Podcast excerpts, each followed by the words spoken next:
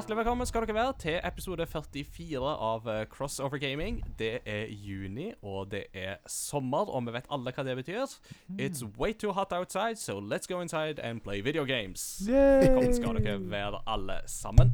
Mitt navn er Ingar Takanobu Hauge. Jeg er programleder med meg i eh, Oslo, eh, men ikke på samme lokasjon. Hashtag korona. Så nei da, du har ikke fått korona. Men Martin, du kan jo si hei. Martin er mitt navn. Hei, hei. Yeah. Og i uh, Kristiansand, ikke fra Le Garage, men fra Le Stu, så sitter Mats Jakob Nesmann.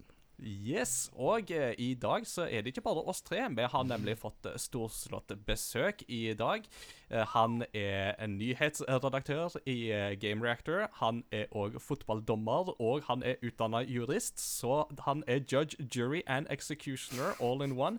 Nei, det er ikke Judge Dredd vi har invitert, men ta godt imot Eirik Hildebakk Furu fra Game Reactor.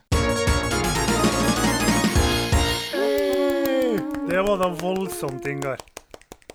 Eh, det, du er jo sjef, så min sjef eh, til og med, så du må jo jeg må jo smiske sånn at jeg får eh, Ghost, of, Ghost of Sashimi, som en av våre lyttere kalte det. Ja, og det òg, ja. Den må vi to krangle om.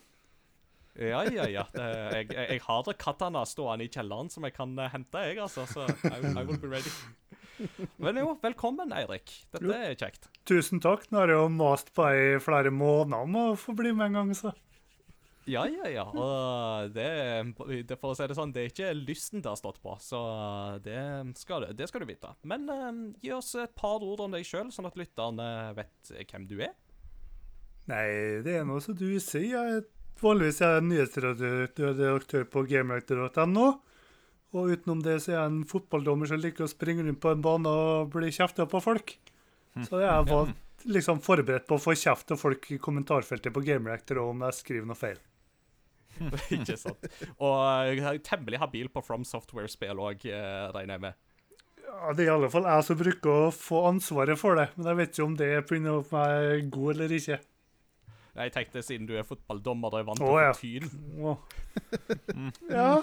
ja, du sier noe her, kanskje. Ja. Når jeg, jeg tenker over det, så er det litt med den smaken min i spill. Liker liksom vanskelige vanskelig spill. Starter alltid på vanskeligste og litt sånn. Velkommen til Crossover Gaming, podkasten der vi driver psykoanalyse av våre gjester. På slutten der sitter jeg «Ja, men det er Tell me about your mother. Nei da, vi skal ikke drive med så masse psykologi denne gangen i alle fall. Men uh, iallfall veldig kjekt å ha deg med. Uh, før vi går i gang sånn for fullt, så vil jeg bare ta en sånn liten sitrep uh, hos uh, folk. Går det stort sett greit der du er, Eirik, for tida? Ja, i motsetning til dere så bor jo jeg i en liten småby, så her er liksom Til og med liksom når korona var på sitt verste, så var jo om du ble sett ut av purken, så var det jo bare sånn Ja ja, hyggelig å se deg. Hvordan går det? Nesten håndtrykk, og så ombestemme seg. Ops, app, app, app. Ja, liksom Ikke, Butikkene har vært åpne og ikke helt som i statene der, altså. Nei! Det er akkurat det vil jeg ikke si. Nei, så her har vi sluppet billig unna. liksom. Kristiansund kino var en av de første kinoene som starta opp på litt sånn liksom Jeg tror vi har hatt tre eller fire personer på sykehuset når vi er tror vi er 25 000 personer i området her nå. Så liksom meh. Det, det, det, kunne, det kunne vært verre, rett og slett. Ganske mye verre. Yeah. Yeah. Eh, Martin, hvordan, eh, hvordan går det i din ende? Har det skjedd noe spennende siden sist? Du, det går fint. Jeg har uh, sørget for at uh, Crossover Gaming får en liten shoutout på nerdelandslaget. Så velkommen til alle lytterne derifra. Nei da, Episode 58, ca. 55 minutter ute i, folkens. Ja, ja, ja. Og har nettopp sett noe veldig rørende. Kanskje det fineste av 2020 foreløpig. Lord of the Rings reunion eh, på YouTube. Sjekk det ut. En solstråle Det fikk jeg ikke sett. i dette mørke året. Og selvfølgelig Fantastisk. så er det jo eh, Gollum tar sine fraser fra Andy Serkis. Billy Boyd synger eh, Home is behind the world ahead. Og eh, Altså Gandalf, Ian Mc... eh, McKellen. eh, alle tar liksom replikker fra Lord of the Rings, og alle de største stjernene er med, utenom selvfølgelig um, Saruman, som er Chris- død. Rest in peace. Christopher Lee. Christopher Lee. Fantastisk. Eh, in pace. Sjekk det ut. Det er fantastisk. Mm. Will do. Eh, jeg fikk ikke sett så mye på det, men da Andy Circus leste gjennom Hobbiten fra perm til perm live, så fikk jeg med meg en del av det. Og da han kom til kapittelet 'Riddles in the Dark' det, det, var, det var jeg egentlig på kontoret, men da var det bare sånn Vet du hva, jeg jobber fleksitid, så nå tar jeg faktisk bare bare legger vekk jobben en halvtime og kun fokuserer på dette. For det var helt fantastisk, for da går han jo så inn i Gollum-rollen òg. Ja. Mm. Det, det var magisk og mesterlig, så det òg er sånn som folk gjerne må sjekke ut, altså. Mm. Eh, Mats Jakob, uh, din ende, da? Nei, her surrer det går. Det har jo vært uh, sydenvær her nede, så det, det har jo sikkert vært det flere steder i landet òg. Men uh, vi fleska fram badebasseng og uh, grilla, og det har liksom vært full sommer her nede. Så det Vi, vi har kost oss skikkelig. Nå, men nå er det jo Nå er det ikke så fint, da. Nei, det er liksom det samme her òg. Vi fikk uh, nye solstoler nå på Vi fikk én på tirsdag og én på onsdag fordi Mhm. PostNord. Uh, Ja. uh, og da var det liksom sånn nå, nå er vi endelig klart til å på en måte kicke tilbake og nyte sola, men eh, nå dropper temperaturen igjen, så det får bli til neste gang. Kjører dere eh, terress-is-strategien dere òg, eller? Så altså man først er hvit, og så rød, og så brun. Eh, repeat. Hvit, rød, brun. Altså, Mm. jeg er så noob. Glemmer solkrem hver gang. Blir solbrent hver dag. Det er ikke gøy. Mm. Fun fact om Ingard. Jeg har arva noen supergener fra min mors side. Som er sånn Jeg kan bare være ute i sola en halvtime, og så ser ikke folk at jeg sitter inne resten av året. Kult. Deilig. Er, du sa Tressis. Jeg har et helt fantastisk Kona mi uh, hadde en helt fantastisk historie fra når hun gikk uh, på videregående og skulle i butikken. Hun er jo fra Østlandet. Hun gikk på skole på Østlandet, og så går inn i butikken, og så skal de kjøpe is. Og så er hun sammen med en gjeng, og så sier han en Å, vi kjøper sånn tricolor. Mm. Hæ? Mener du tricolor? Tricolor. Tricolor. Jeg syns det er så fint. Skal du slenge på med litt Triforce òg? Det blir ikke mer. Oslo enn Tricolor. Jeg synes det er Nei da. Men ellers her nede så har det gått i eh, Altså, vi har vært veldig mye ute. Så det vil skinne igjennom på hva har vi spilt i det siste. For det, nå er det siste innspurt på skoleåret, og det har vært veldig fint vær. Mm.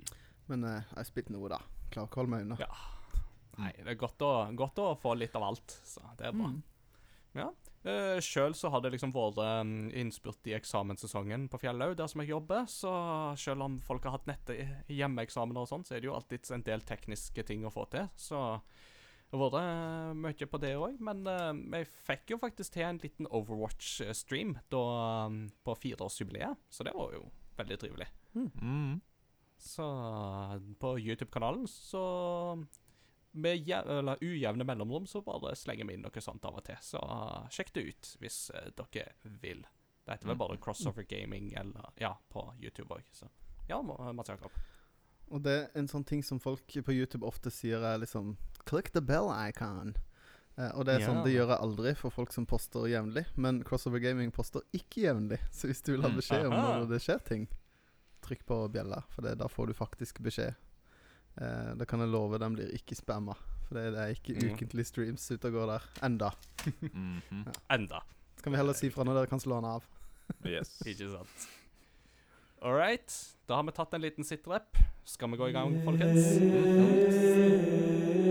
Da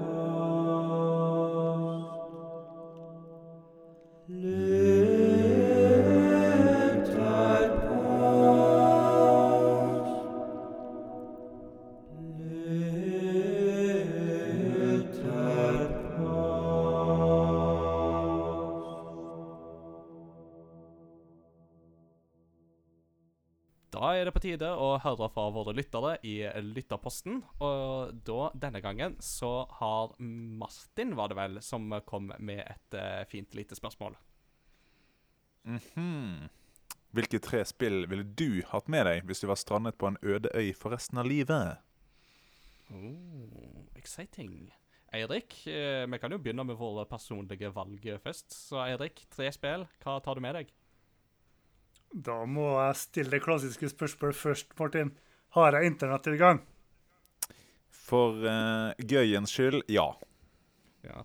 Her, dette var det jo da noen som poengterte i Discord at det var sånn er det, litt, er det ikke litt rart at du har internett, men du kan ikke be om hjelp? Så konklusjonen er at denne øya har et kraftfelt rundt seg som gjør at signaler og radiosignaler og den slags, det kommer gjennom, så du får 5G.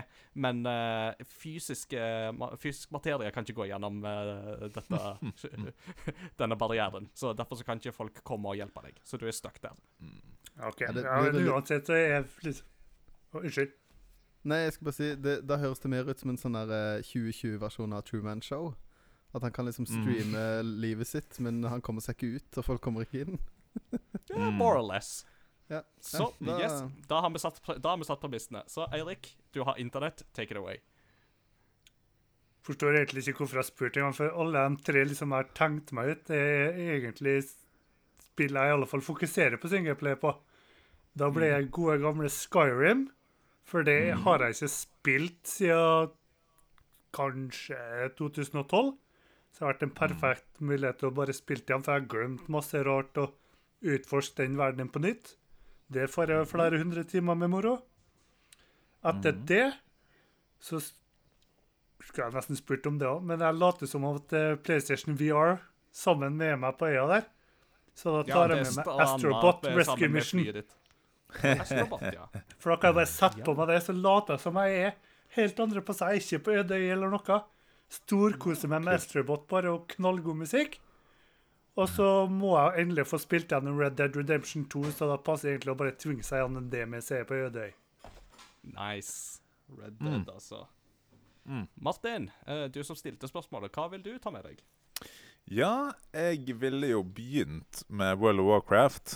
Og jeg tror ikke jeg hadde klart å runde World of Warcraft i løpet av mitt liv.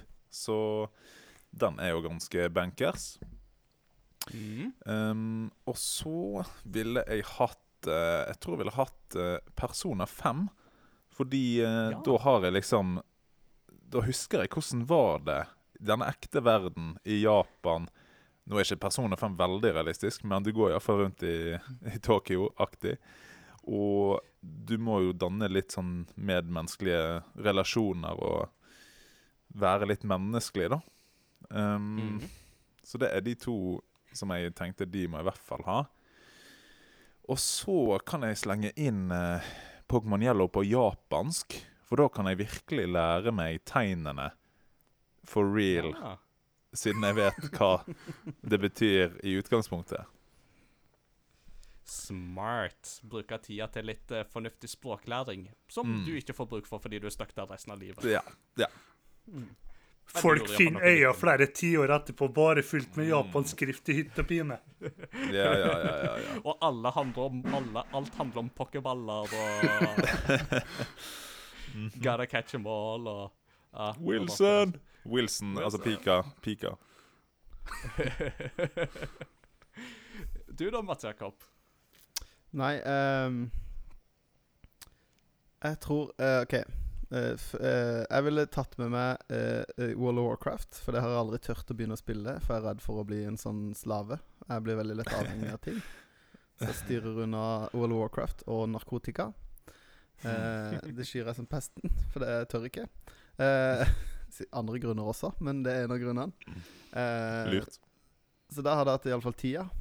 Og så tror jeg jeg ville tatt med Fantes det ikke noe sånn der eh, Jamie Olivers cookbook eller noe på DS? Sånn at det har noe sånn survival-ting? Et eller annet sånt noe. Og så hadde jeg sikkert tatt med meg en eller annen dating-sim, for det, da blir masse så litt sånn Du må ha den der uh, litt sånn due-dating-simen. Ja, jeg tipper folk er lei av å høre meg snakke om Selda Zelda og Euphoria, så da tar jeg noe helt annet. Ja, ja, ja, ja, ja. Nice. Eh, det, er jo morsomt det der med å nevne MMO-er. For at det, altså, jeg er jo en sånn som ligger notorisk under MMO, men dette her hadde jo faktisk vært den perfekte anledningen. Så jeg tror jeg må slenge inn et MMO. Og da står det mellom Star Wars The Old Republic eller Final Fantasy 14. Uh, men jeg tror jeg går for Final Fantasy 14 fordi det ser veldig veldig gøy ut når kona spiller det. Og da kan jeg blant annet få litt sånn Near Automata ekstra bonusting inni der òg, som virker veldig gøy. Så Final Fantasy 14 tar jeg med. Uh, det blir det nye. Og så må jeg ta med det gamle. Det blir da The Witcher 3 med alle expansions. Uh, prøver meg på alle mulige slags uh, quester og holdt på å si, varianter av hvordan jeg skal gjøre ting og ikke. Og så tar jeg med meg Overwatch, fordi det er den gode gammel stayer som jeg bare holder på oppmerksomheten med. Og så klarer jeg på en eller annen merkelig måte å få oppgradert det til Overwatch 2 når det kommer ut. Så jeg jukser litt, men uh, Overwatch Altså, de, de, Blizzard ser i nåde til meg og gir meg Overwatch 2 når det kommer. Fordi jeg har vært med siden beta. Uh, ja, Martin. Har du samlet alle Gwent-kortene på eh, din gjennomspilling og fått trophy, collected all cards? Eirik peker på seg sjøl, så er Martin òg, så skal jeg fortelle dere noe? Jeg, jeg, jeg kunne ikke fordra Gwent.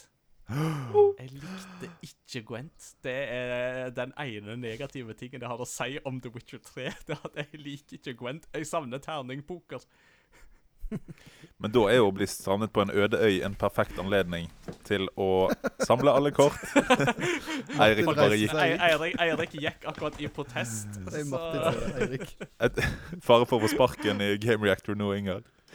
Men eh, må vi ha en prat på kammerset etterpå nå, Eirik. Glem Ghost of Tsushima. I think we just made that clear. Yes. Nei, så det var Det var da altså Men eh, en øde øy, da blir til og med jeg eh, glad i Gwent. eh, og så blir jeg Blir jeg Ja, får dere meg over på det, så det blir bra. Skal vi høre fra lytterne våre eh, hva de har skrevet? Uh, da kan jeg begynne i uh, vår Discord, mens dere finner fram de svaralternativene dere har valgt ut. Så har jeg valgt ut uh, Zelialith, som skriver Jeg tenker jeg ville tatt med meg Witcher 3, Crusader Kings 2 og et sjakkbrett. Witcher 3 og Crusader Kings 2 gir god variasjon, og man føler seg omtrent aldri ferdig med dem. Sjakkbrettet er fordi jeg da har noe jeg kan spille med Wilson, som kommer til å bli min nye faste samtalepartner og venn. Husker du sluttspillet til Capablanca i 1916? Ha! Da kommer du til å slite nå. allerede på randen av eh, galhet der, ja. Fint. Da kan jeg fortsette med Kjetil Austad Kjaus, som skriver 1. The Last of Us pga. The Feels. Uh, nummer to Overwatch pga. lagånd og god stemning. Og nummer tre World of Warcraft. Det tar aldri slutt. Parentes håper øya har fiber eller 5G. Ja da, Kjetil. Da får vi jo til et Yes. lite øy-wow-lan. Ikke sant, MJ? Mm. Mm. Jeg er med. Dette blir jo som basically at folk på Animal Crossing-øyer sitter bare og gamer med hverandre på tvers av Mm. øyene. Så det høres bra ut. Det skal dinges på denne øya her. Mm. Uh, uh, vår gode venn Godspark har eh, skrevet kort og godt Don't Starve, Ark Survival Evolved og Civilization 5 eller 6. Ja. Mm. Mm. Hørtes ut som en frisk og fin kombo. Og Don't Starve bør jo lære deg litt sånn overlevelsesteknikk når du er på en øde øy, så Ikke sant? Mm. yeah. Har du funnet en kommentar eh, som du likte, Eirik, eller skal vi gå videre? Jeg har ikke sett discorden deres, jeg har bare sett de to svarene på Facebook-sida.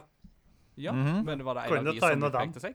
Ja, Mm. det Da gjerne. kan du få lov til å ta Åsmunds hjørne, som handler om Åsmund Solsvik. Nå, jeg trodde nesten jeg vurderte å ta trofaste Eirik, jeg nå, men får ta Åsmund, da. Det er lov å ta begge. Skal vi se. Vi tar nå Åsmund nå. Skal vi se. For å tenke litt praktisk, så hadde jeg nok tatt med Ark Survival Evolved der òg. For å få inspirasjon til å bygge redskap. For å håpe at de ressursene er der, da. Måtte også hatt en, et langt spill som en kunne bruke som et lengre prosjekt. Enten The Witcher 3 eller Assassin's Creed Odyssey. Mm. Og kanskje hatt med The Witness. Han skal ha cred for The Witness. ja, ja, ja det er jo øy, et øytema går igjen her, eh, merker jeg. Men det som er problemet med The Witcher 3 og Assassin's Creed Odyssey og The Witness, er jo at jeg har platinum i alle. Så liksom da, du mister litt av effekten. effekten. Åh, Det er litt eh, creds. snikskritt. Litt snik, snikskritt. Det er ja, creds. Ja, ja, ja. Snakka du òg like mye om Odyssey som Christian gjorde når du spilte det, eller? Meme forever. Nei, det er ikke godt. Nei, jeg- Du kan snakke mer om Jeg var litt seint ut faktisk til å liksom fullføre det skikkelig. Men jeg hadde det gøy. Det hadde jeg. ja. Mm. Eh, Men jeg har alltid vært svak for gresk mytologi og litt sånn også, det hadde litt med saken å gjøre. Mm. Samme her, så jeg må bare få somla meg til å komme meg gjennom det. Så, eller få begynt på det, heter det vel egentlig til og med. Mm. Sånn er det når du har hatt en fem år lang Assassin's Creed-pause. Da, da tar det litt tid før du kommer, kommer skikkelig i gang igjen. Yeah. Uh, er det noen uh, som har Har dere noen flere kommentarer uh, som skal leses opp? Kan Ja, ta en fra. Nikolai her, som skriver definitivt Civilization, og da tar han toeren av alle. Crusader Ah. Kings, også toeren. Og Mm. Stellaris. Så utrolig mye moro og gjenspill, gjenspillbarhet der. Mm, veldig store spill som uh, man sikkert ikke hadde blitt ferdig med ett av de på en livstid. Uh, Civilization 2 istedenfor sekseren. Nå har ikke jeg spilt toeren, da, men uh, interessant valg. Det er jo en sånn old but true, god gammel klassiker, det der, altså. Og, Mm. og det, er litt, det er jo litt gøy. Det finnes jo en som uh, lot det gå bare en sånn botkamp i Civilization 2 i liksom mangfoldige år. Eh, og resultatet var jo egentlig bare at alle var bare i atomkrig med hverandre, og hele verden var til slutt bare radioactive wasteland. Uh, vannet hadde steget opp, og folk levde egentlig bare i elendighet, så det var apokalypsen Altså datagenerert apokalypse, rett og slett. Åh, fantastisk. En av de gøyeste tingene med Civilization Nå vet jeg ikke om det er toeren, kanskje eneren, men at uh, den voldeligste motstanderen du kan møte, er Mahatma Gandhi. Som Yes. var en uh, bug. Vet du hvilket spill det var? Ja, det var det med det første Altså, han har jo alltid vært en sånn uh, tvilsom kar å få som nabo. Uh, og det skyldes jo at i det første spillet så skulle de jo sette han til liksom det mest fredelige, men de satte han så fredelig at det ble en negativ. Ja. Eh, og da kind of broke the scale, så han ble jo ultravoldelig i det første spillet. Og siden den gang så har bare Gandhi alltid vært litt sånn trigger-happy atomkonge i alle oh, Er det en ny catchphrase, forresten? Trigger-happy atomkonge? Det hettes, eh, Det er en, det er en tittel jeg tror ikke mange vil ha, men det er et par av de her i verden, tror jeg. Jeg tar gjerne en kopp med det på. Ja, det, Mm. det, må vi få, det må vi få ordne. Nei, eh, gode kommentarer fra folk der, altså. Det, um, eh, vi setter pris på alle bidrag som kommer inn. Vi får ikke lest alle sammen høyt i eh, episoden, men vi syns det er veldig gøy med alle som svarer på lytterpostene våre. Hvis du Mm. hører på og ikke har gjort det før, så kan du gå inn på vår Facebook-side eller i vår Discord-server, og så kan du skrive ditt svar på lytterpostene når de kommer. Yes. Kom deg inn på discorden. Der eh, har vi òg kanaler for mange forskjellige spill som vi kan spille sammen. Så join. Yes. Yeah. Join, join us today.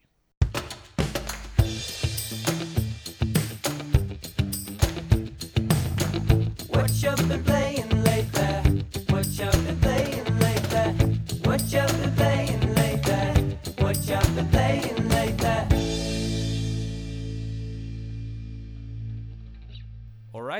Da, gutta, er det på tide å snakke om hva vi har spilt i det siste.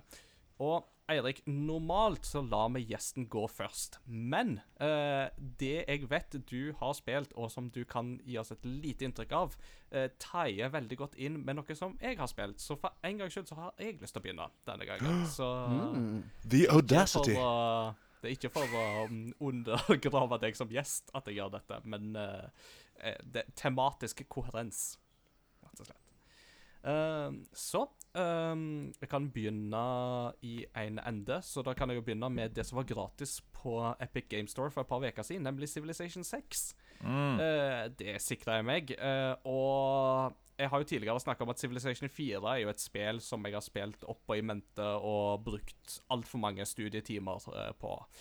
Og jeg er farlig nær på å begynne med det med Civilization 6 igjen. Det er just one turn hele dagen lang. Så første lørdag etter at det var blitt gratis, så brukte jeg faktisk hele lørdagen på å spille Civilization 6. Og det var en veldig god følelse, altså. Det Mm. det å bare ha en hel lørdag sånn til gaming, det er Mm. kjempelenge siden jeg har hatt. Og det var sånn Bare sa til kona bare sånn Du må ha pizza i fryser, skal vi bare varme opp den og så ta det til middag? Og hun bare Ja. Hun var i game med noen venner. Så Mhm. perfekt perfekt uh, 2020-lørdag, rett og slett. Deilig. Sånn det skal være. Det er sånn det skal være.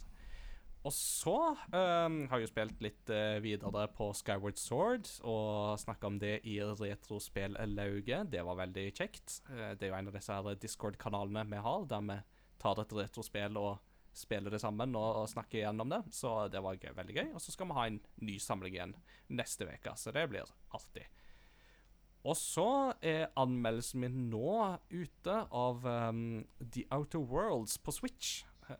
Og um, The Outer Worlds var jo favorittspillet mitt i fjor, uh, og det har jeg jo snakka varmt om. Uh, så det er bare å gå tilbake noen episoder til sånn oktober-november, så kan dere høre litt hva jeg syns om det da, eller til vår Game of the Year-episode, for den saks skyld. Eh, men uh, Switch-versjonen, det er stusslige greier. Det er Sliter noe kolossalt med å kjøre et bilde som i det hele tatt er presentabelt og fint. Det er veldig langt ifra det fargerike eventyret som du får på alle de andre plattformene.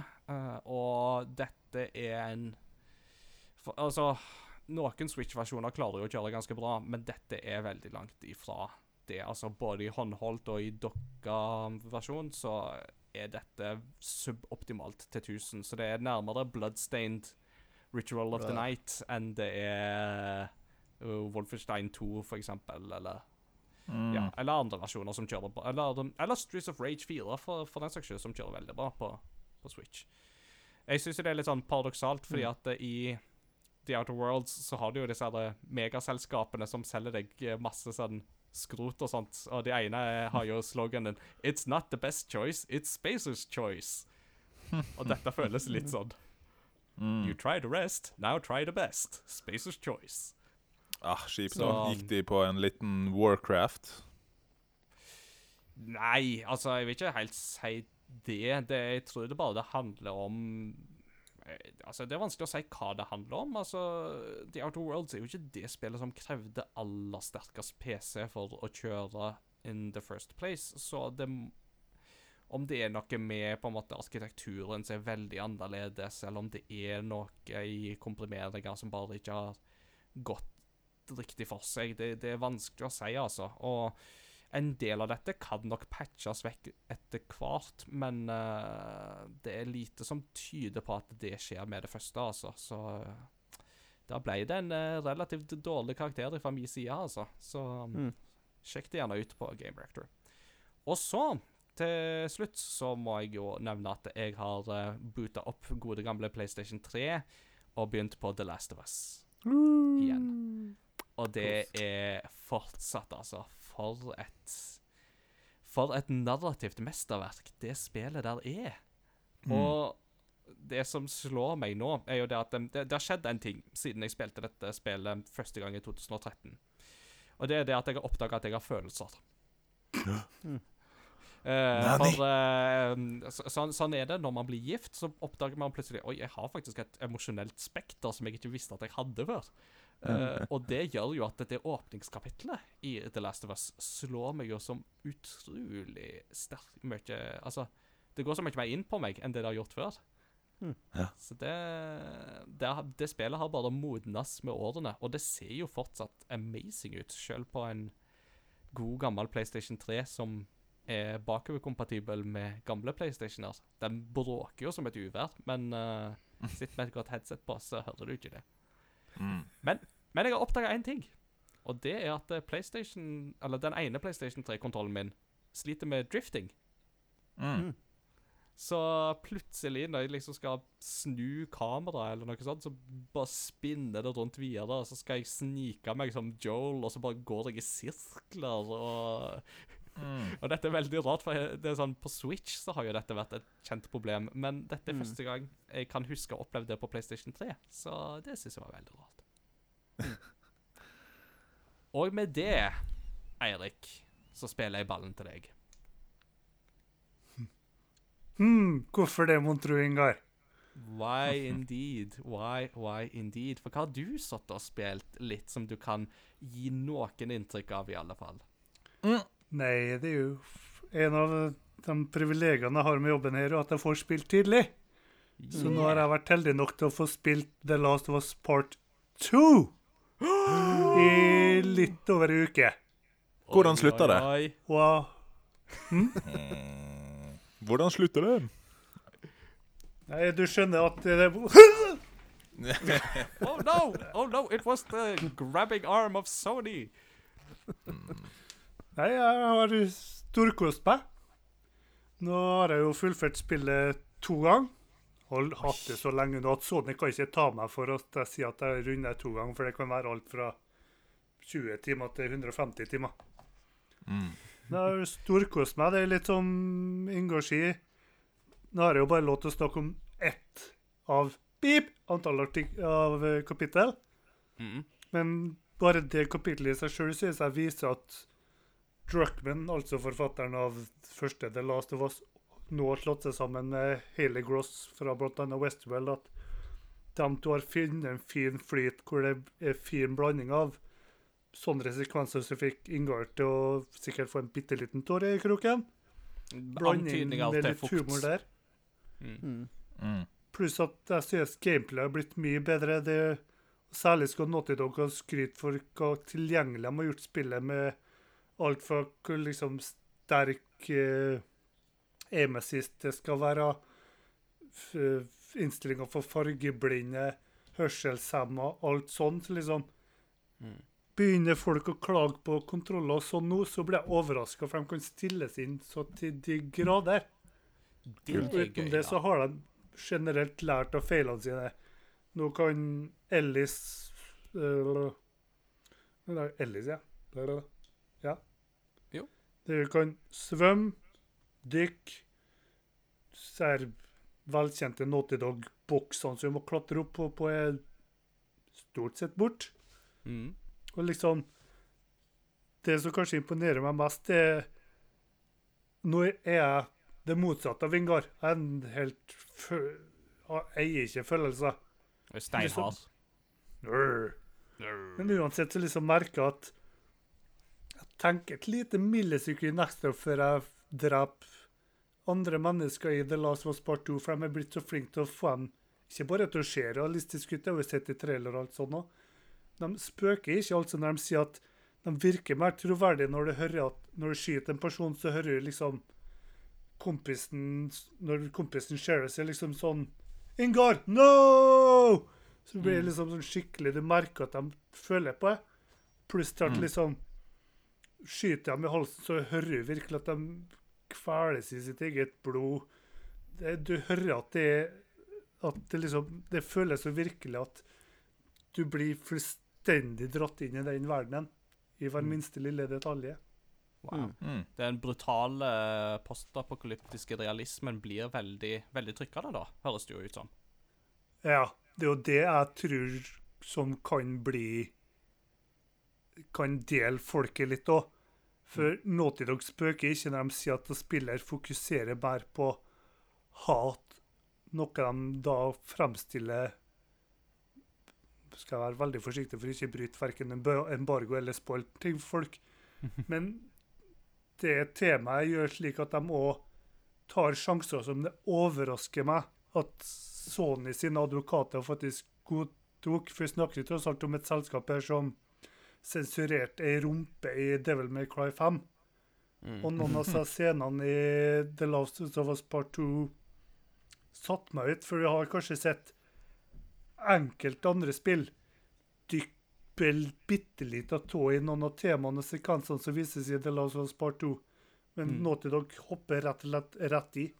Ingar. Spennende. Uh, det, det er veldig spennende, dette her, for at, uh, jeg hører jo litt på en, en uh, spillpodkast nå som heter Play, Watch, Listen.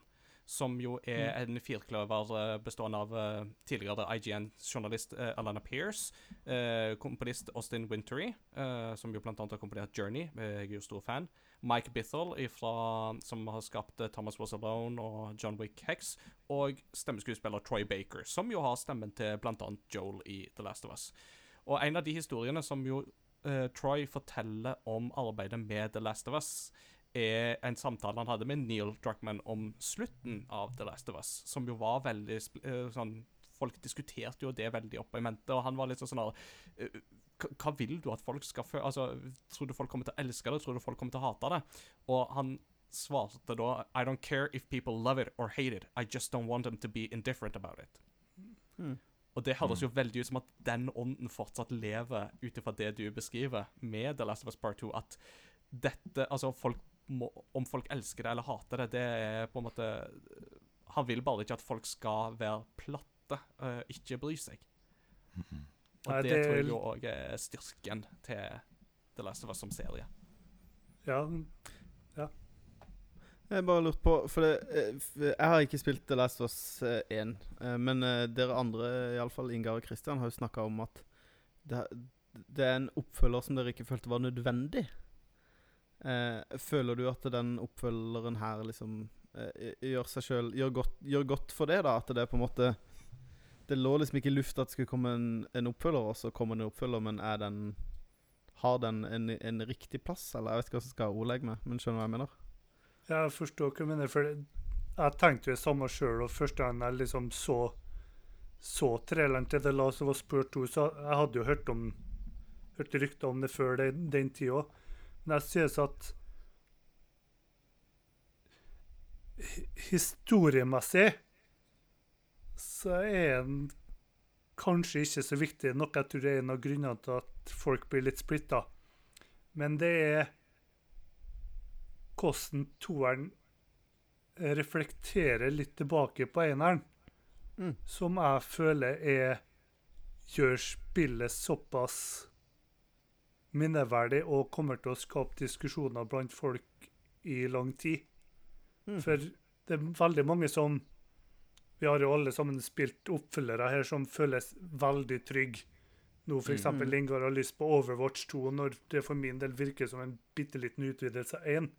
De Mm. følger den samme oppskrifta. Mens det er så tydelig at The Last of Us Part 2 De har lyst til å prøve noe nytt. Du trenger ikke nødvendigvis å tenke at det er samme universet, for det er De tar opp helt andre temaer. De reflekterer litt på noen av de feilene og litt av kritikken de fikk i 1, og forklarer litt mer om tankene bak eneren og litt sånn, da. For å si det veldig vagt. Kult. Mm. Men Det er bra at det ikke liksom bare er en bra, et bra spill, men at det er liksom en oppfølger som er, er en verdig oppfølger, da. Ja. Mm. Det vil jeg si, uten å røpe noe mer om poengsum eller noe sånt. Nice. Når kan folk eh, lese dette her, forresten? Foreløpig er planen at anmeldelsen At du får lov til å legge ut anmeldelsen klokka ni på morgenen den 12. juni. Altså ei uke før selve spillet kommer. Yes. Mm. Så det vil si fredag etter at denne episoden slippes, om jeg ikke husker feil. For det er vel en Ja. fredag? Ja.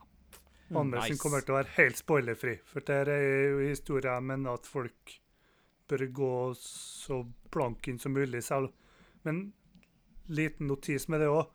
Uansett om du har sett spoilere, så mener jeg Litt vanskelig å si, siden jeg klarte å holde meg unna de spoilerne, så ikke var lett å forutse, i alle fall. At det er en historie det er verdt å gå gjennom. Mm. For det er litt som jeg sa i den ene artikkelen min i, på Gamereactor, at liksom Du liksom Du gikk og så Titanic selv om du visste at båten sank mot slutten.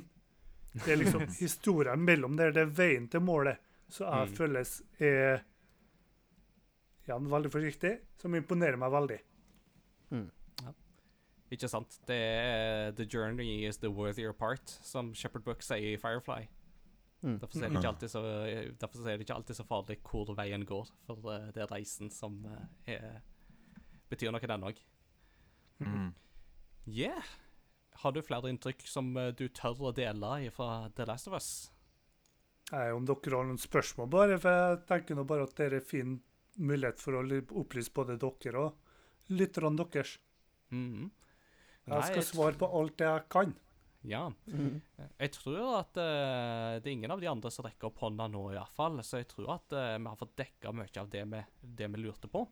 Uh, så mitt oppfølgingsspørsmål nå er rekker du å spille noe annet eh, enn The Last of Us Part 2? Ja, jeg har fått endelig faktisk spilt gjennom Batman og Arkham Knight. Å ja. Ja, ja, ja. Og jeg synes det spillet er meget undervurdert. Ja, Ja. det- Batmobilen er Den er elendig. Det mi- mindre bra. Ja. Men ellers så synes jeg at Rocksteady og Warner Bros. Montreal faktisk gjorde en, en fullverdig avslutning på den trilogien, om du har Mm. lyst til å kalle det det. Ja. Om vi nå da kan pluss på Origins òg, men liksom det, ble, det var ikke helt samme historie. Mm. Mm. Synes liksom Gameplay satt som et skudd som vanlig. Storkost meg med Riddle-trofeene. Liksom Stemmeskuespillet var strålende. Det er Mm. uansett hva folk hører, og de likte de forrige Batman-spillene, så må de bare prøve det her òg. Definitivt. Mm. Og så lurer jeg da på Skvatt du like mye av Manbat som det jeg gjorde? Verst av alt, jeg hadde sett YouTube-klipp bare et par dager før liksom tenkt Å, ta det skremmende. For jeg trodde, Da tenkte jeg liksom ah, han er på samme plassen hele tida. Liksom, du merker ikke et lite hakk i bildeoppdatering engang. Så det var liksom Det var klokka fire på natta eller noe sånt. Bare, ja, ja, Forferdelig Riddle Trophy der, da. Ah, ah! jeg skal love, jeg tror jeg vekket alt av naboer den natta. Så liksom, første jeg gjorde, dette det var liksom gjøre ferdig alt av sideoppdrag med den vesle rakkeren for han skulle ikke se lenger. oh, nei, jeg står fortsatt ved mitt. altså. Det er et av de mest skremmende øyeblikkene jeg har hatt i et spill ever, faktisk. Mm. Så nei, i alle fall Den, den naila de definitivt. Mm. -hmm. Smooth. Da, øh, hvis du ikke har noe mer øh, på lager øh, da Det er jo en solid cocktail, bare det, så tenker jeg uh, Mats Jakob Uh, Jeg har lyst til å høre litt fra deg. Ja. Det, det er ikke så mye nytt her, altså. Det er, som sagt, det har vært mye ute og, og holdt på. Um, så jeg har fortsatt litt mer på Tide Tasmanian Tiger HD. Koser meg fremdeles med det.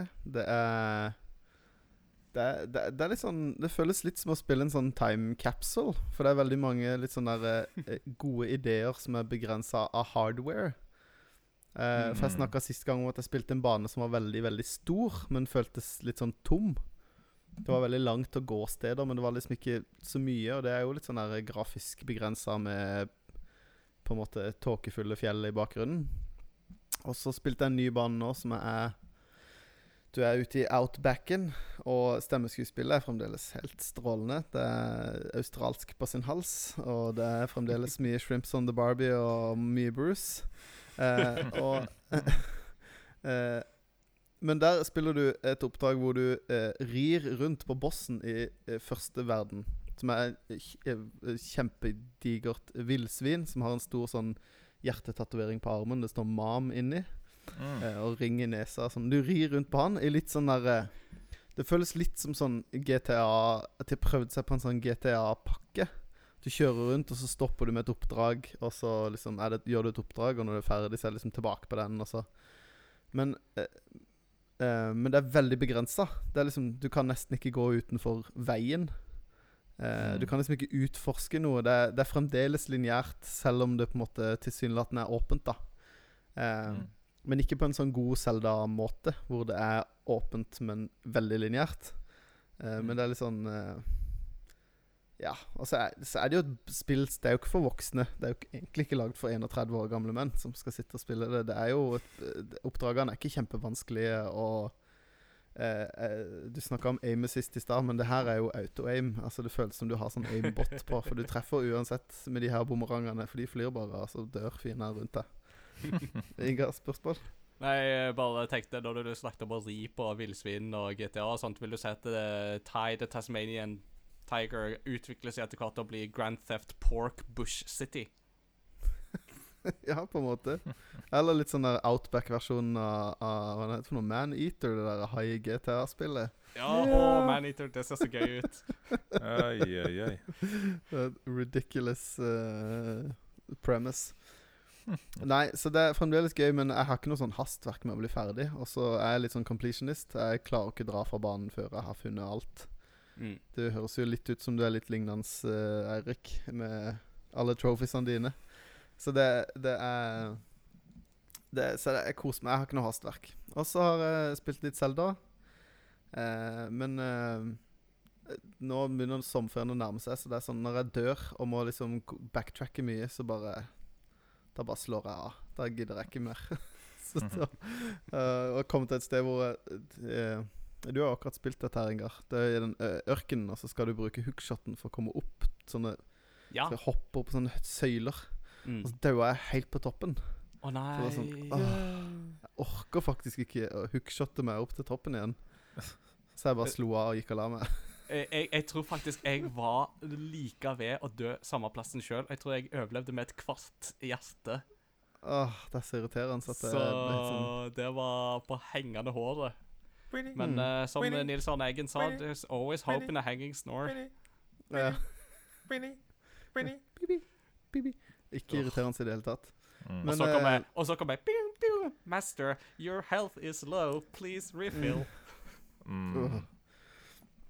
Nei, hun er ikke bare grei, hun dama der, altså. Men uh, uh, Ja, jeg syns jo eh, Akkurat Skyward Sword er et spill jeg bare får mer og mer lyst på en HD-oppussing av. For dette, det er Verdenene Altså, de områdene er veldig Altså, jeg skulle si gjerne likt å sett de penere, hvis du skjønner hva jeg mener.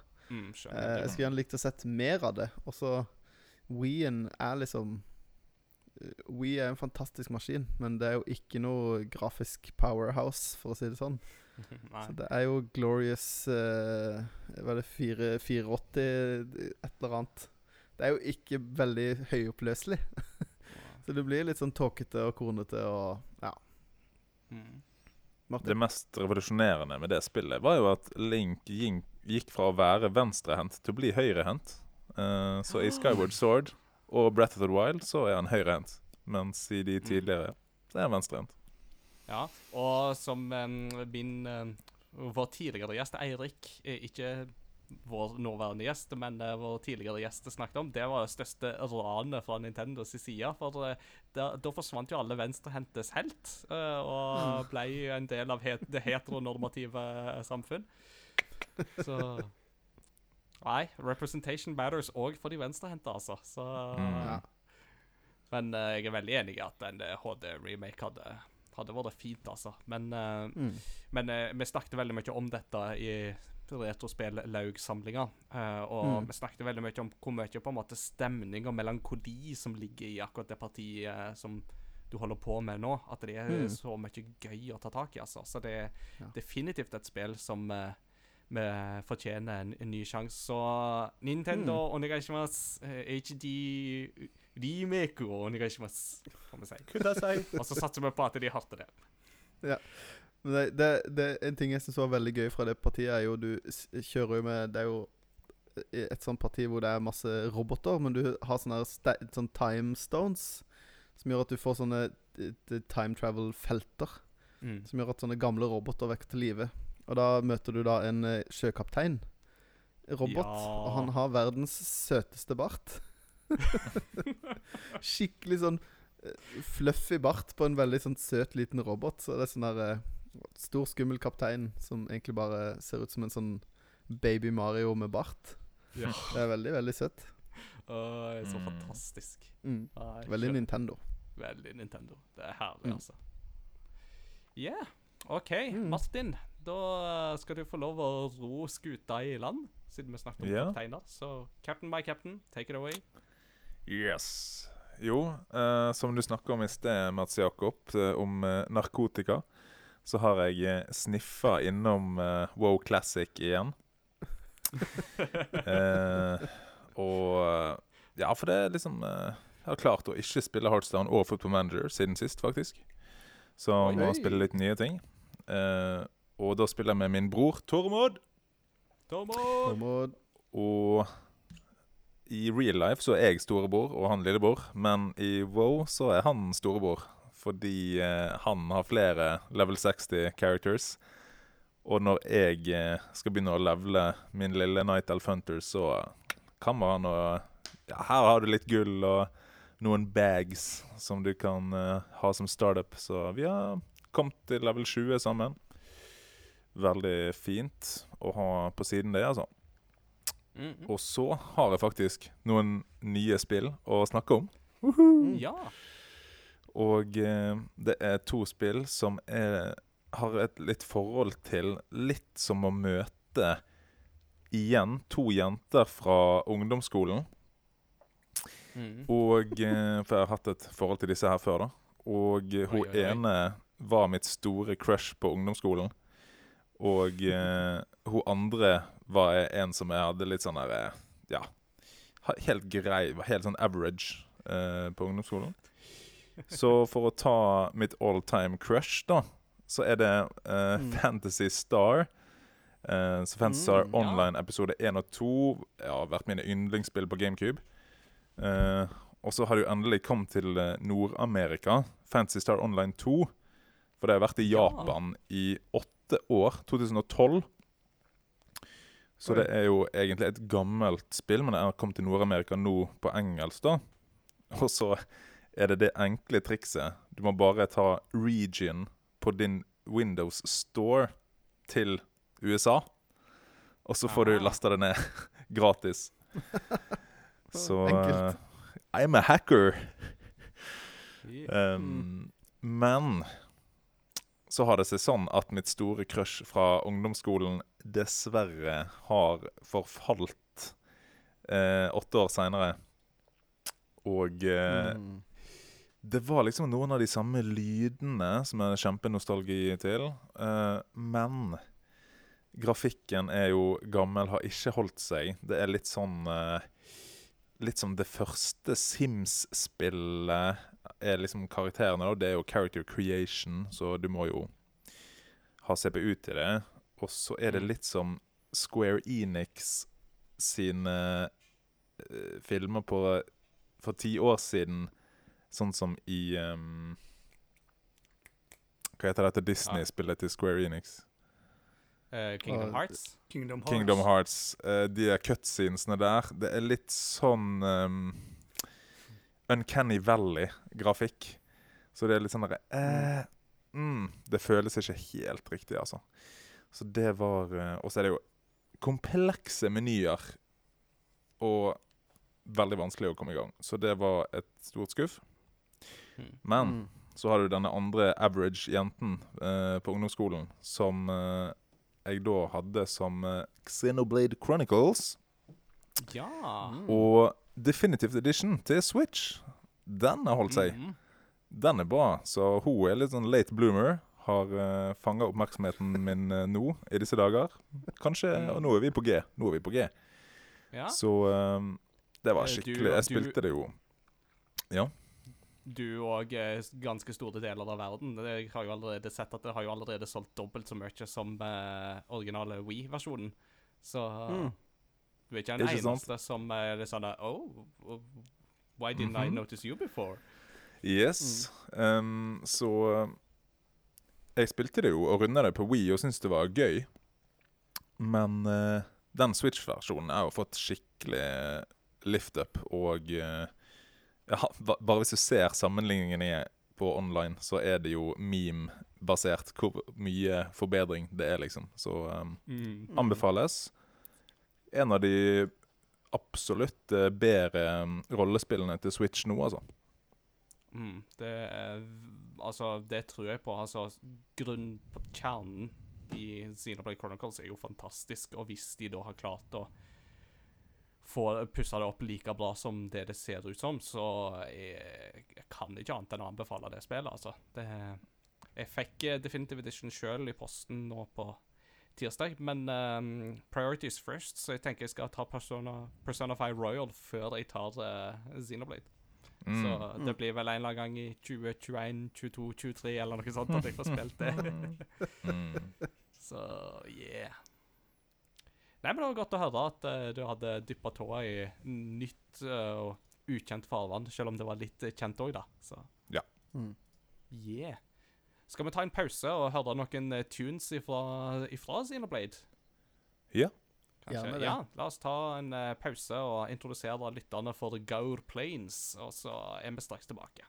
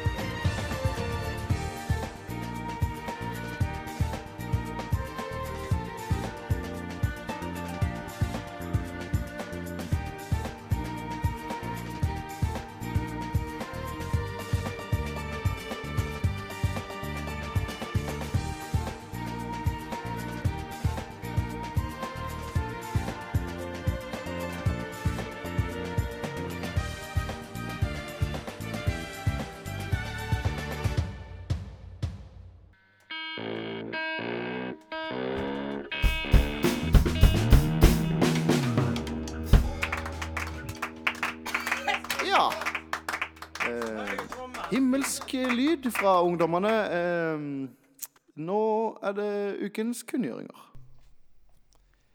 Og dermed så har vi kommet oss igjennom en eh, liten pause og er klare for eh, kunngjøringer. Og folkens, for dere som har fulgt med Crossover Gaming i tykt og tynt, så har vi veldig gode, store, fine nyheter til dere. Så jeg har litt lyst til å begynne med det. Så good news, everyone! I taught the toaster to feel love. Nei, det var ikke det jeg skulle si. Det var Farnsworthen i meg som ville si det. Uh, men uh, crossovergaming.no er nå operativ. Yeah, that's right. Nå har vi endelig gjort noe med den, uh, det domenet som vi kjøpte da vi starta. Uh, vi har fått et fantastisk design av Anette Tingbø Sundnes. Eh, eh, disclaimer min svigerinne. uh, som da har stått på og gjort dette som sin eksamensoppgave, og resultatet er helt amazing. Og da har vi fått på plass nettsida, vi har fått en ny logo, som dere òg kan se når dere spiller av denne episoden i eh, Spotify, forhåpentligvis. Og på eh, Discord og på Facebook og overalt så vil dere se dette nye designet. Og speaking of which, nå har vi jo snakka masse om Discord-serveren vår, og det er alltid det spørsmålet Ja, men hvordan finner jeg den Discord-serveren? Jo, på nettsida vår så finner du lenker til vår Facebook-side, til vår Instagram-konto, til vår YouTube-konto og til vår Discord-server. Så gå på crossovergaming.no, da vel. Mhm. Så det blir artig. Der kommer det òg til å komme litt tekster uh, innimellom, hvis noen av oss skriver noe som er litt sånn spillrelatert. Som f.eks. hvis jeg skriver noe som ikke er til Game Reactor, men bare noe jeg skriver for min egen del, så kommer det der. Og vi kommer òg til å legge ut litt gamle tekster som jeg har skrevet der òg. Eh, blant annet så har jeg hatt en blogg tidligere, så planen er å få overført en del av det materialet der over på denne sida her, og at den bloggen fases ut. Sånn at det blir på en måte et nytt steg inn mm. på, på nettet. Eh, men òg hvis eh, Martin eller Christian eller Mats Jakob eller eh, kanskje en gjesteskribent har noe på lur som de har lyst til å få, få ut, så vil det være mulig å lese der. Så sjekk det gjerne ut, folkens. Crossovergaming.no, altså. Rett fram. Yeah. Eh, så må vi jo eh, Så blir det holdt på å si gå rett fra det gode til det dårlige. Men eh, det er jo urolige tider i verden akkurat nå. USA er jo inne i et ganske ekstra spesiell periode, og det preger òg spillbransjen. Eh, PlayStation, eller Sony, skulle egentlig ha en pressekonferanse om PlayStation 5, eller en presentasjon om PlayStation 5 nå i kveld mens vi tar det opp. Eh, men den er da utsatt på ubestemt tid. De eh, sier det at eh, dette er ikke tida for å feire det vi holder på med nå. Nå er det viktigere stemmer som skal tale.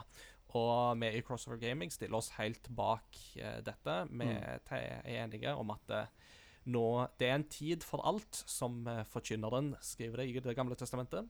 Det er en tid for alt under solen, og nå er tida for å ta de alvorlige temaene og få det opp i dagen. Mm. Så vi kan glede oss eh, videre til PlayStation 5 og innholdet der. Uh, og det forsvinner ikke. Det kommer vi tilbake til på et annet tidspunkt. Mm. Så det får vi se fram til. Andre nyheter, eh, så er det jo Da går vi litt tilbake til norske forhold. Eh, Nordic Game Awards har nylig vært, og det var ingen norske spill som vant direkte priser. Det var blant annet eh, Control og Baba Is You og eh, Sayonara Wild Hearts som vant Mm. eh, priser. Men norske Mosaikk fra Krillbite fikk Jury's Special Mention, som da er en sånn type sånn bonuspris under Nordic Game Awards. Og det var jo da for Mosaikk, som sagt. Så det, det er jo hyggelig. Det syns vi bare er kjekt. Mhm. Og så, eh, Martin, eh, nå må du stille litt regnskap her, for du er jo Manchester United-fan. Ja. Så hvorfor i all verden har det seg sånn at Manchester United saksøker Football Manager-studioet? Hmm, Nei, der er jeg litt todelt, altså. For det første så skjønner jeg Manchester United, som er eh, i hvert fall engelsk fotball sin største merchandise, altså franchise. Um, og sånne navn har faktisk en stor verdi. Sånn som Pro Evolution Soccer klarte jo å sikre seg Juventus sitt eh, navn i sitt spill, som gjorde at Fifa måtte slutte å skrive Juventus, så nå har de sånn der eh, Torin i FC eller noe sånt. Så det er faktisk em, en del sånn merkevarebygging inni der som er ganske sånn alvorlig. Og der har Ja. Football Manager eh, brutt reglene i lang tid, da. Eh, men for, på den andre siden så er jeg jo sjøl en spiller av Football Manager og en United-fan.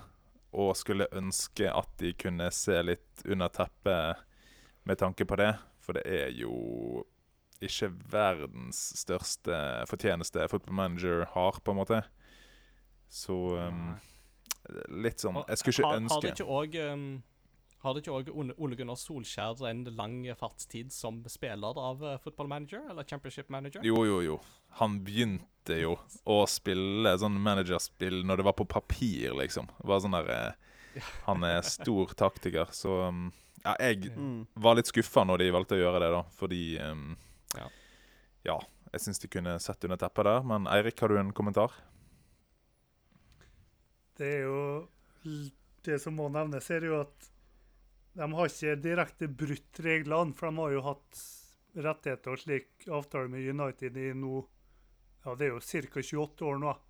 Mm. Så jeg tror ærlig talt her, for jeg prøvde å snakke med Ole Gunnar òg, for han er en gammel fotballtrener og en kompis.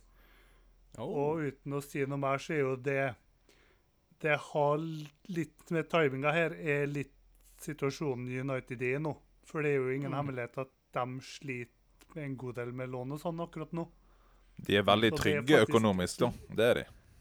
Ja, men det, det, høres litt ut Eller sånn som jeg tenker, så er det nok litt av at de har det verre økonomisk nå enn hva de har hatt det på en del år nå.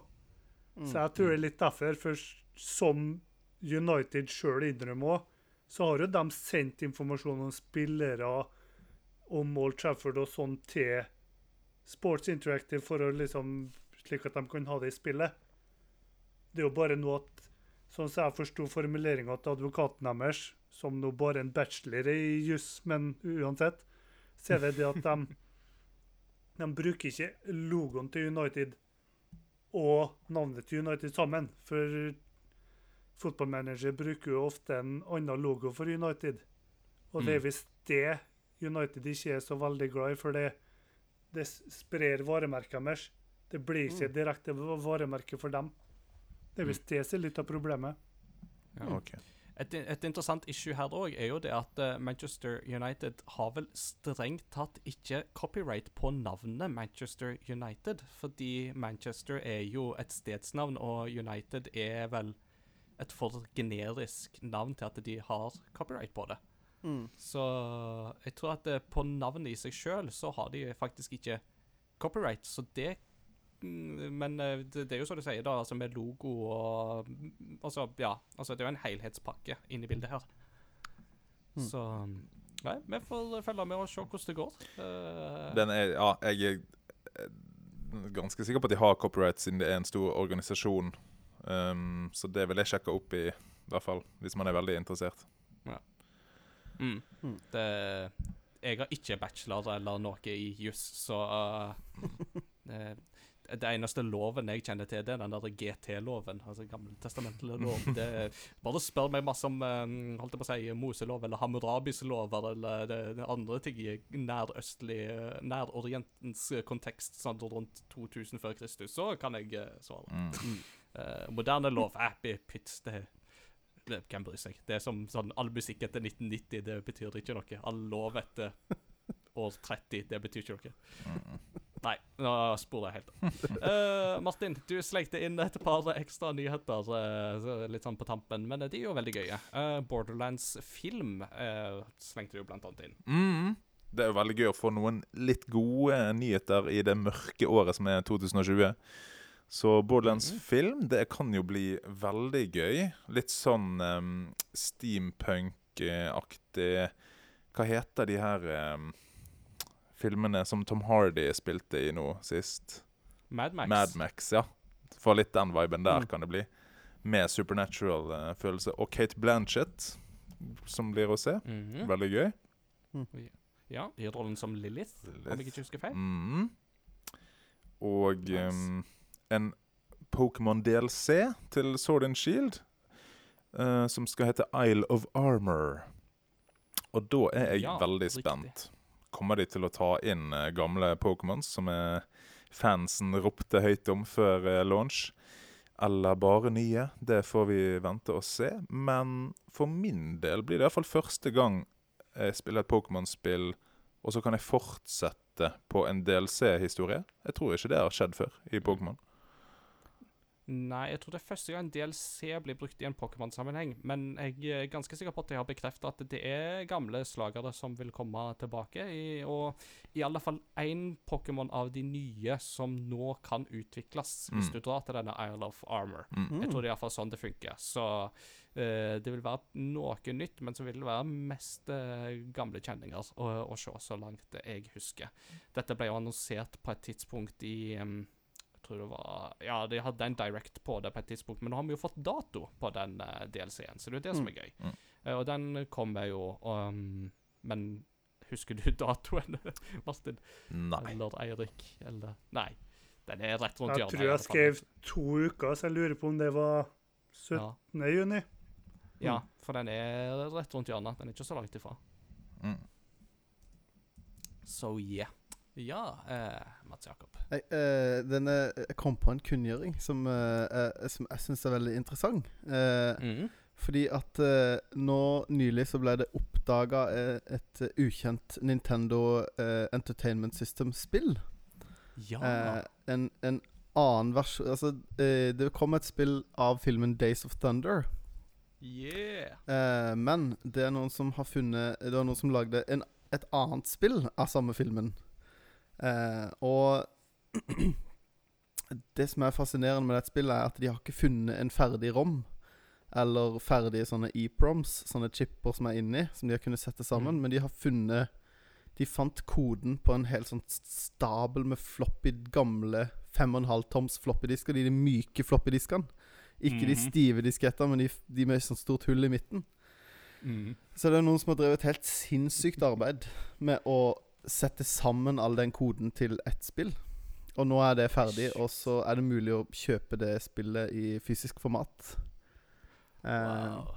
Det er sjukt. det er ganske sykt. Og folk har jo visst om at dette spillet ble lagd, men aldri gitt ut. For han som eh, var hovedutvikler på det, han eh, Han hadde en sånn liste Det var en sånn liste med alle ting han hadde gjort, og på den lista så står det liksom Days of Thunder Unreleased. Og nå har Mm. de da funnet det spillet. Eh, og mange syns Det kan jo hende det er hype, jeg har ikke prøvd det, men mange sier at det er da en, et bedre Days of Thunder-spill enn det som kom en eller annen gang på 90-tallet. Ja, hvem skulle tro det at en gammel Don Simpson og Tom Cruise-film skulle uh, bli eh, plutselig så dagsaktuell igjen? igjen Men- i år? Det, det er jo Ja. sykt fascinerende, for det er jo litt sånn der Tenk om, om 30 år at noen sier Ah, vi fant eh, Star Wars 1313. Liksom på mm. fem gamle harddisker, og så spiser vi det sammen, og her er det. Det er jo helt Ja. sånn Tenk om Det er jo helt sånn Det er jo kjempespesielt, egentlig, hvis du tenker på det, Mm. hvor eh, Hvor stort arbeid det er, og hvor tilfeldig det er at sånne ting blir funnet. Mm. Mm. Eller scalebound, for den saks skyld. Mm. Nei, det The possibilities. Hvis vi lever lenge nok, så hvem vet? Kanskje vi Mm. får uh, Kanskje vi får se. Teamet vil show. Mm. Yeah. Med det så tenker jeg at eh, vi går over til dagens tema. Eh, på denne tida av året så pleier vi jo å ha det vi kaller for en høymesse eh, her i eh, podkasten. Nærmere bestemt en E3-høymesse. Mm. Eh, men eh, 2020 er jo året da ingenting går som normalt. Heller ikke spillbransjen. E3 ble jo kansellert, og det er, eh, i likhet med en del andre messer rundt omkring eh, Noen messer får jo digitale alternativ. E3 er ikke blant de. I stedet så settes det jo da opp noen andre arrangement her og der. Blant annet så har jo Jeff Keeley noen eh, presentasjoner eh, på gang. Og ja, som sagt så har jo Sony òg sin eh, eh, sin konferanse, eller sin presentasjon, som jo skulle ha vært nå, men som kommer på et senere tidspunkt. Eh, og alt dette her er jo bensin på bålet for de som har snakka om at E3 har utspilt sin rolle, det er dødt og begrave, og E3 kommer ikke til å komme tilbake igjen. Så i forlengelsen av det så lurer jeg på Trenger vi egentlig spillmessene i det hele tatt, når vi nå har en digital hverdag? Thoughts and inputs, gentlemen. Nei, da legger vi den død. OK? Nei da. Jeg, eh, jeg tenker jo først og fremst at eh, vi må skille mellom eh, For det de spillmessene jeg er mest interessert i, er jo f.eks. Retrospillmessen i Sandefjord. Og sånne messer eh, har på ingen måte utspilt sin rolle. De er jo kanskje mer og mer aktuelle. Men det er jo ikke akkurat de messene sånne messer som, hvor de annonserer nytt. Der er det jo mer kjøp og salg. Så sånne Mm. messer vil jeg si absolutt eh, Tror jeg vi vil se mer av. Mm. Så der Eh. har du lokale, lokal nisjemesse, eh, om vi skal kalle det for det, da. Ja, og i Amerika er det jo veldig mange flere av de enn det er I Norge har vi én. I Mm. USA er det jo mange. Og i Sverige er det jo Mm. enda flere. Så det er jo det er, det er, et det er en stor greie. Men eh, eh, det er jo kanskje ikke det vi skal snakke mest om i dag. Nei, men jeg syns det er viktig å ta med det aspektet Ja. Uh, Martin, uh, thoughts on that? Nei, altså, jeg tulla i sted, for å si det sånn. Um, jeg har jo nå kommet til det punktet at jeg gleder ikke meg så mye til julaften. Det, det jeg gleder meg mest til i året, er E3. Å få se oh, hva er det spillselskap planlegger. Du får jo se nesten fem år før spill kommer ut. Og eh, sånne øyeblikk som når eh, Super Smash Bros. Eh, Millie blir eh, vist for første gang, og salen klikker i eufori. Og eh, jeg har eh, kost meg så mye med å døgne og se E3, både med venner og med Til og med sist E3 så jeg med kjæresten, og jeg driver og introduserer henne litt til spillmedia, og hun ble jo imponert når uh, Keanu Reeves uh, kommer uh, ut på scenen og bare You're breathtaking! breathtaking! Og hennes favorittartist Grimes spilte jo live for um, Cyberpunk og um, disse, dette spillselskapet Red CD Project. Red. CD Projekt Red, da. Og um. Ja, det er så stor event, uh, så jeg vil jo si ja, vi trenger det. Men må det være live med publikum? det kan jo være en annen diskusjon. Sånn som uh, Nintendo har jo popularisert uh, Direct og um, Sånn som uh, Jeff Keeley har gjort nå, Summer Game Fest, Mm. med å spre det litt utover, kan òg være en løsning.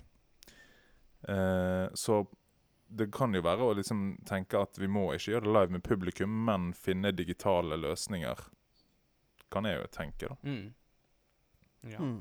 Uh, Eirik, uh, har du noen thoughts and inputs uh, som du tenker? Jeg synes din artikkel på gamerector.no trenger vi egentlig spillmessene er veldig god. Du kommer med mange gode argument. Jo, takk. Men Eh, litt som dine to kollegaer sier, så Internett har tatt masse av rollen til de spillmessene du tenker på i din artikkel, tror jeg. mm. For litt sånn, Jeg er helt enig. i Retrospillmesser og slikere som er fokusert på sosiale, Mm. for all del. Fortsett med det. Det er kjempebra. Konge. Mm. Men akkurat de E3-messene og sånn har jeg og du diskutert før, Ingar. Mm. Jeg kan forstå det argumentet at du trenger dem litt mest for de minste utviklerne for at de skal kunne vise fram spillene sine. Mm. Da blir spørsmålet mitt er det ikke litt lettere for dem å skille seg ut ved, å nå, ved at f.eks. Epic Games og Valve gjør nettbutikkene sine litt mer åpne og blir litt bedre til å promotere. For jeg skal love deg at det er hundrevis av spill som forsvinner på E3-messegulvet òg. Jeg tror Mm. det er større sjanse for å drukne der enn om vi legger litt bedre til rette, som vi nå lærer i løpet av sommeren, til å promotere dem bedre på internett. For som du jo sier, Ingar, det koster ofte hundretusenvis, om ikke millioner, for enkelte folk å reise til E3, vise seg fram, for en bitte liten sjanse til å bryte gjennom. Mm. Så jeg mener at vi ikke trenger spillmasse som E3 sånn lenger, for det er greit nok. Det er et bitte lite antall spillinteresserte som får faktisk drar til massene og prøver ut spillene. Mm. Men det å føles så litt, litt merkelig formulert, men litt urettferdig for oss majoriteten som faktisk er hjemme og må se av det på internett og litt sånn. Mm. Mm. Da tror jeg egentlig at internett og sånn som da sommeren her kommer til å bli i alle fall vi, vi, Det kommer ikke til å bli perfekt i sommeren, det kommer til å bli fin læring til hvordan vi kan utvikle spillmessig konsept eh, til å bli enda bedre ved å bare ha det på internett. Mm. Mm. Ja, det er kjempespennende å se det læringspotensialet som ligger i år, altså. Og det eh, Ja. Og, og litt av grunnen til at jeg òg ville ta dette som episodetema, er jo fordi at jeg har jo sjøl tenkt litt på disse tankene, og nå har jeg jo formulert noen av de tankene og lagt det ut igjen. en artikkel på, på Game Reactor, uh, som du jo nevnte. Um, og litt av det som jeg jo blant annet er inne på der, det er jo dette her med at, uh, som, som du òg poengterte, at for små selskaper så er jo sånne messer en sjanse for å faktisk få et visst gjennombrudd. Uh, Så fra et utviklerperspektiv så har det jo en viss relevans å kunne reise på ei messe, men igjen, som du sier, så er det det der med å drukne i mengden som er et risikomoment. Men det er jo òg igjen en, et risikomoment inn imot nettbutikker som Steam og Epic, hvis du ikke har gode kuratortjenester som klarer å på en måte sile ruklet. Uh, og altså AppStore er jo et sånn klassisk eksempel på det, med at det, hytt og pine slippes jo ut, ikke sant? Og det er jo til tider nesten umulig å finne de gode alternativene som er sånn Dette er virkelig et spill som du bør investere tid og penger i. Eh, men så bare sånn Ja, men den er gratis, og den er flashy og har rosa enhjørningkatter eh, på seg. Jeg vil heller ha den. Å ja, masse mikrotransaksjoner og sånt. Eh, det vet ikke jeg hva er for noe. Det så eh, I den grad promoteringa på messegulvet skal foregå digitalt, så er man jo avhengig av gode tjenester som gjør det mulig å trenge fram og Eller få- på en måte få oppmerksomheten. Eh, og de store selskapene vil jo klare det.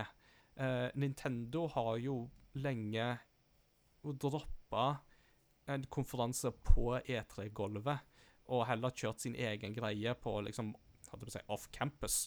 Uh, og den store nyheten i fjor var jo at Sony gjorde jo det samme, ikke sant? Mm. Uh, Og hvorfor kunne de gjøre det? Jo, fordi at de er såpass store at de kan arrangere sine egne eventer over internett som, til en brøkdel av prisen, og nå ut til de samme folka.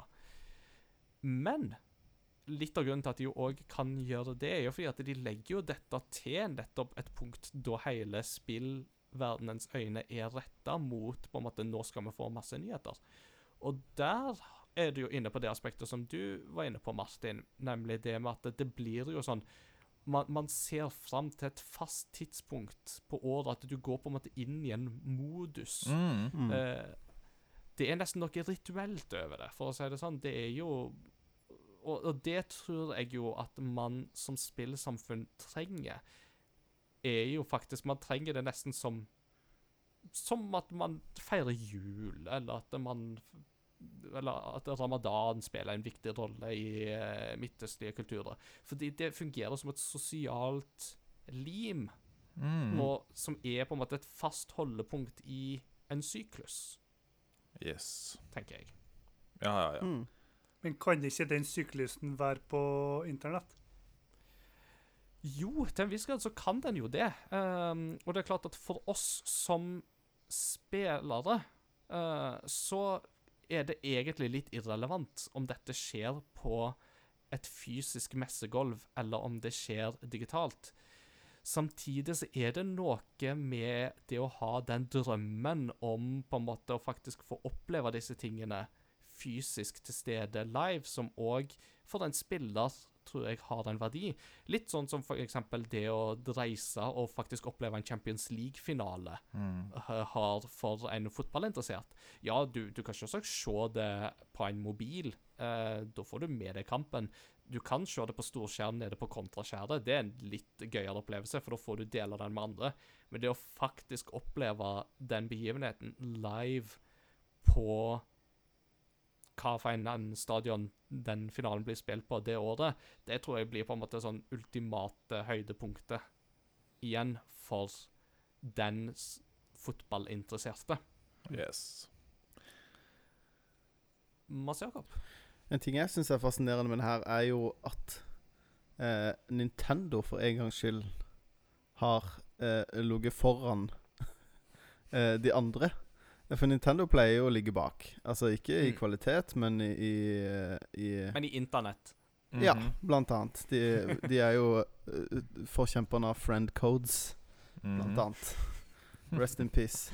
Eh, men eh, eh, at det at Nintendo var de første som begynte med dette og trakk seg ut og hva skal jeg si, på en måte har vært med på å ødelegge E3, da. Eh, eller å vise at det, relevant, det har utspilt sin relevans da i forhold til at man, man må ikke være der.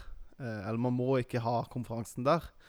Og Nintendo er jo store nok til at eh, når de sier 'hei, vi skal annonsere spill', så lytter folk. Og det gjør jo ikke de Hvis Dpad sier 'hei, vi skal ha en stream', så lytter ikke hele spillverden.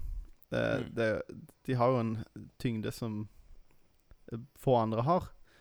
Eh, så på en måte så syns jeg jo det Det er jo litt med å ødelegge det, da. Fordi at, eh, som du sier med den der eh, høytida, at den forsvinner litt, da. Og spesielt nå som eh, Mr. Keeley driver og legger opp til at det skal skje over hele sommeren, så krever det jo at du må liksom innom flere punkt, tidspunkt, istedenfor at denne uka skjer det, disse fire dagene. Må du følge med, det er da du skal benke deg. Eh, og jeg som en kronisk surrehue vet jo at jeg kommer til å gå glipp av masse dette. Og, og det blir som å se det på telefonen på do etterpå. Eh, Istedenfor å sitte foran og liksom kanskje ha, sitte på Discord eller ha Skype med noen kompiser og eh, Ja. Det, det, det, er jo, det er jo veldig egoistisk av meg å ønske at det skal være en messe fordi at da Det er gøy for meg. og, og det er jo Det er jo ikke jeg som bruker mange ja. millioner dollar på dette her. Jeg tenker ikke at det er egoistisk, egentlig. Men uh, Martin, hva tenker Nei. du? Eh, Noe som er veldig interessant, er jo at det har begynt å bli en slags evolusjon i hvordan live-event eh, kan bli gjort. da. Sånn som vi har sett i Fortnite, så har det både vært artister har hatt konserter i Fortnite med interaktivt digitalt publikum. Eh, ganske interessant at eh, kanskje verdens største filmregissør, Christopher Nolan, presenterte traileren sin først i Fortnite med interaktivt digitalt publikum. Så Mm. kanskje eventer kan bli litt sånn i framtiden at eh, vi får E3 med publikum, men publikummet blir digitalt. Og vi er interaktive digitalt. Det kan jo bli en eh, løsning som vi ser mer og mer av i framtiden. Men kanskje ikke neste år, men om fem-ti år. Det er, Speaking of which, uh, eh, nyeste Star Wars-filmen, uh, Rise of Skywalker, hadde jo òg Fortnite-event. Mm. Uh, for altså Åpningsteksten til Star Wars uh, Rise of Skywalker begynner jo med 'The Dead Speak'. eh, med at det er et mystisk signal, og det høres ut som en avdød person. Og den tal, eller den på en måte beskjeden gikk jo i Fortnite i forkant av uh, filmens lansering. Mm. Mm. Så ja. Kult. Nei, eh, det, det Jeg er helt enig med deg, Martin, men jeg føler at det kommer til å forsvinne, det at på en måte Man kommer ikke til å ha en digital E3, for det er et poeng med Eller som føles som hele poenget med E3 var at det er der du må være. E3 hadde et sånt monopol på de tingene der. At det var sånn her, alle må, Du må være her, men når ikke på en måte Når E3 på en måte mister tyngden sin, da, så føler ikke folk at Da er det ikke noen det er noen, eh, det er ikke en tredjepart som sitter og bestemmer når spillselskapene skal samles. Nå bestemmer de det sjøl. Og da Mm. eh, tenker jo kanskje ikke at Sony ja, Jeg har ikke lyst til å jeg, Vi skal ikke annonsere PlayStation 5 mens Nintendo annonserer eller viser første gameplay-trailer av Breath of the Wild 2. For det når vi ikke må, så hvorfor skal vi gjøre det samtidig? Eh, Alle vil jo ha sitt, sin time in the the limelight, eller 15 minutes of fame, på en måte. Ja, det blir veldig interessant. Ny teknologi vil gi nye tider. Uh, så jeg har jo Mm. lyst at vi fortsatt skal kunne ha sånne You're breathtaking øyeblikk. Så prøve Ja, å se for meg hvordan det kan fungere. At uh, et spillselskap har et show, og så får de Keanu Reeves som snakker til digitale roboter, si, eller presentasjoner um, av gamere. Og så klarer Mm. noen å få en snakkeboble som presentatøren ser og agerer på. Det blir jo litt spennende å se men Ingar. Ja, um, det som òg er litt sånn interessant å ta med i den diskusjonen her, er jo dette her med at E3 nå er jo veldig langt unna det E3 var da E3 begynte, i 95. Mm. Mm. For da E3 begynte, så var det jo en arena der retailers, altså der uts, altså selgere av butikkjeder og selgere av spill, kom for å få input ifra um, ifra spillbransjen. Og da var det jo sånn at OK, dette får du nå. Nå skal du ta oss og Eller dette er de spillene som kommer. Og da er det sånn OK, ja, da setter vi det opp i vår katalog. Da skal vi ta oss og uh, få kjøpt Eller ja, da vet vi hva vi skal selge uh, under Black Friday osv.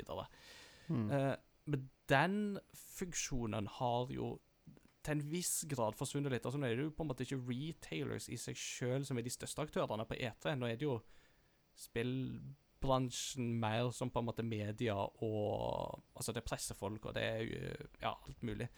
Og da er det jo klart at eh, Altså, eh, hva en messe skal være, er ikke låst i stein. Det kan skifte. Det har vi sett før, og det tror jeg òg at vi kan se fortsatt.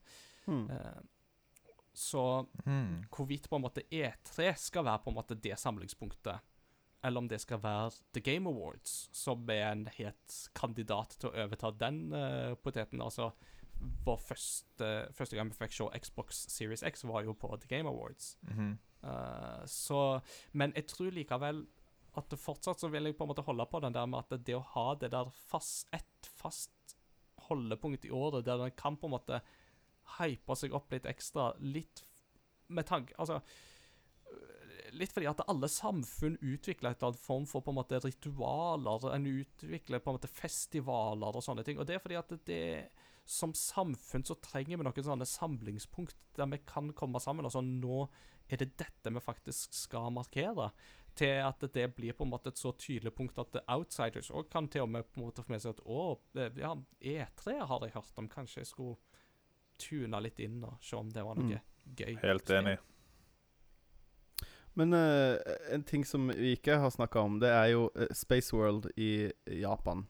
For Mm. Japan er jo sin, sitt eget dyr. Eh, eh, og de er jo enda mer eh, tradisjonsrike eh, og faste enn det vi er. Sier du at Japan er dovendyr? Eh, nei, jeg mener at de er et vanedyr. Oh. De er ikke så glad i forandringer, og de liker at ting er som det er. Eh, Så de er men hobbiter. de er en slags hobbit. De er jo ikke de høyeste heller, så det passer fint. Fin beskrivelse. Eh, men eh, hva tenker du, Ingar, om, om Spaceworld? Tror du den også kommer til å forsvinne på samme måte? For den, den spiller jo mer mot japanerne enn eh, enn det E3 gjør, på en måte. For E3 er jo for Vesten, og Spaceworld er mer for Østen, eller spesielt Japan, Ja. da. Nei, altså, jeg tenker jo det at en region Altså, visse sånne regionsbestemte eh, begivenheter vil man fortsatt ha i en eller annen grad. Eh, Mhm. Men igjen så er jo det spørsmålet som har kommet tilbake til, skal det være fysisk eller skal det være digitalt, ikke sant? Eh, Mhm. Og svaret er nok litt at det kommer litt an på publikum, på en måte. Altså, i Japan kan du fort arrangere en messe eh, og gå i pluss fordi at det er så mange folk å ta av, basically. At eh, Mm. du kan greit få noe til, men om det blir på en måte en veldig stor sak eller ikke, det er jo et helt, helt annet spørsmål, altså. Så ja. Jeg har ikke noe sånn godt svar på det, men uh, så, så lenge man har noen trekkplastre som trekker folk, Mm. så vil det jo alltid være uh, folk som er interesserte i, i å reise på sånne ting. Uh, og igjen så er det jo noe med at hva det trekkplasteret er, det kan jo skifte. Um, Comic-Con er jo et annet eksempel på ei messe som har forandra seg veldig. ikke sant? Altså Comic-Con i San Diego handler jo nå stort sett om alt annet enn comic books. Mm. Eh, det handler jo på en måte om hele nerdekulturen rundt.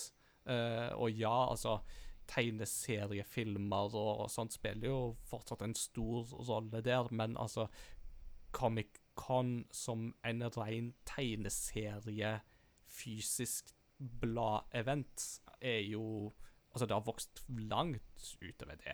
Mm. Mm. Eirik, nå, du har vært veldig stille veldig lenge, eh, men eh, jeg tenker jo at eh, du, Har du noen mer tanker som du har lyst til å spille inn? Nå har jeg holdt på litt, lytte for jeg har et par spørsmål til dere. Så det er et par interessante momenter dere har her nå. Ja. Både Ingar og Mats har nå nevnt at det er greit å ha, ha en slags høytid for videospill, og at det er veldig greit for seg messene der. Da har jeg en liten utfordring til dere begge to. Mm. Kan dere nevne, la oss si, fem ting hver dere husker fra fjorårets setermesse? Jeg kan eh, begynne, i alle fall. Uh, You're breathtaking. Mhm. Uh, obvious one there. Uh, jeg kan ta med Forsa-presentasjonen, da de stilte med bil og uh, introduserte Lego i Forsa Horizon 4, var det vel, tror jeg. Jeg husker Maneater-presentasjonen fra PC Gaming Show, fordi at det så bare helt hinsides uh, hilarious ut.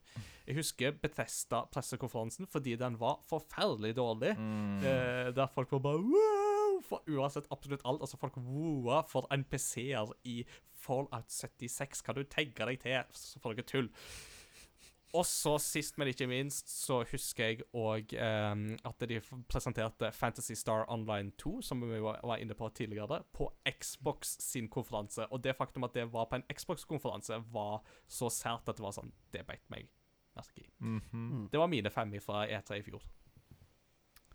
Ja, nei, eh, du, du har et poeng, for det, det jeg husker best, var at jeg eh, husker at det var litt traust. Eh, men det, det snakker vi jo om at det er jo litt sånn Det er jo alltid et sånt vakuum rett før det kommer en ny konsollgenerasjon. Folk er litt forsiktige. Eh, sånn at jeg tror på en måte også det handler litt om eh, at det er litt sånn uheldig at denne her litt kalde digitale revolusjonen, da. Den er jo ikke en revolusjon, men det omveltninga som sannsynligvis skjer nå, kom rett før en ny konsollgenerasjon, og det er litt lite som skjer. Men ja, jeg husker jo veldig godt Keanu Reeves. Jeg husker veldig godt denne her eh, Igjen, det er jo ikke positivt. Veldig utrolig merkelige EA-streamen som de hadde i forkant, hvor det bare De satt og skravla og skravla og skravla og skravla. Og så bare ah, 'Skal vi spille litt Star Wars?' Yay! Og så skravla de en time og halvannen til. Altså, Det var jo så ufattelig uinteressant, og det varte, og det var Ja. Jeg vet ikke om dere husker det like godt som. Jeg, jeg syns det var så kjørt. Eh, at det var litt sånne ting, er at Bethesda sin var litt kjedelig. Eh, at det var ikke noen sånn voldsomme greier, men det var liksom Cyberpunk eh, som var liksom den store vinneren i fjor, da. Eh, men eh, ja, jeg skjønner hvor du vil hen, eh, Eirik. For Martin, det? Ja, Sorry. selvfølgelig. Ja, You're ja. breathtaking. Eh, jeg òg digger Grimes sin eh, konsert med Cyberpunk. Og eh, spesielt PC Gamershow. Der la jeg merke meg til blant annet Griftlands, som jeg nå sjøl spiller i åpen alfa pga.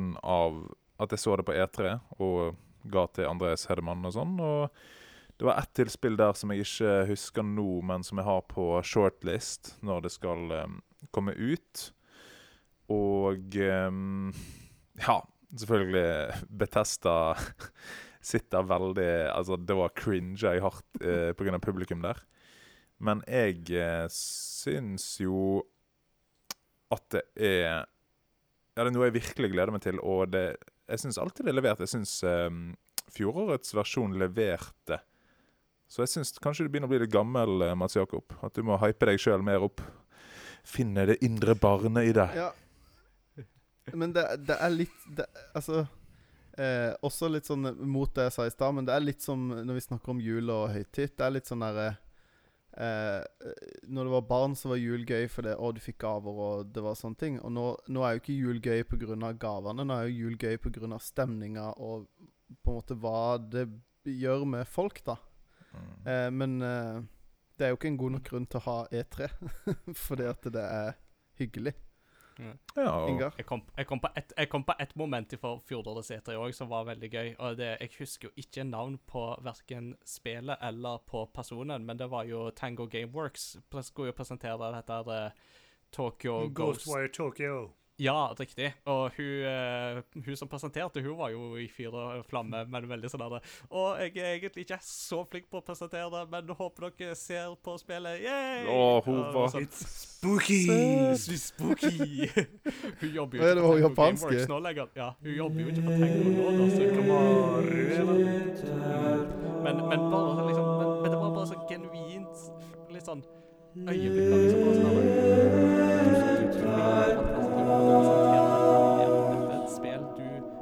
med, og som virkelig vil få fram og få oppmerksomhet mot. Og sånn, på en måte så altså, Det føltes veldig genuint, da. Uh, ikke liksom superinnøvd og superstrigla, men at det var litt sånn Veien blei litt til mens du gikk på scenen. Og litt av de der øyeblikkene der syns jeg er litt gøy, altså. Så, men igjen, Mm. er det momenten Altså, er det godt nok for å ha E3 til mange millioner dollar? Det er et helt annet spørsmål.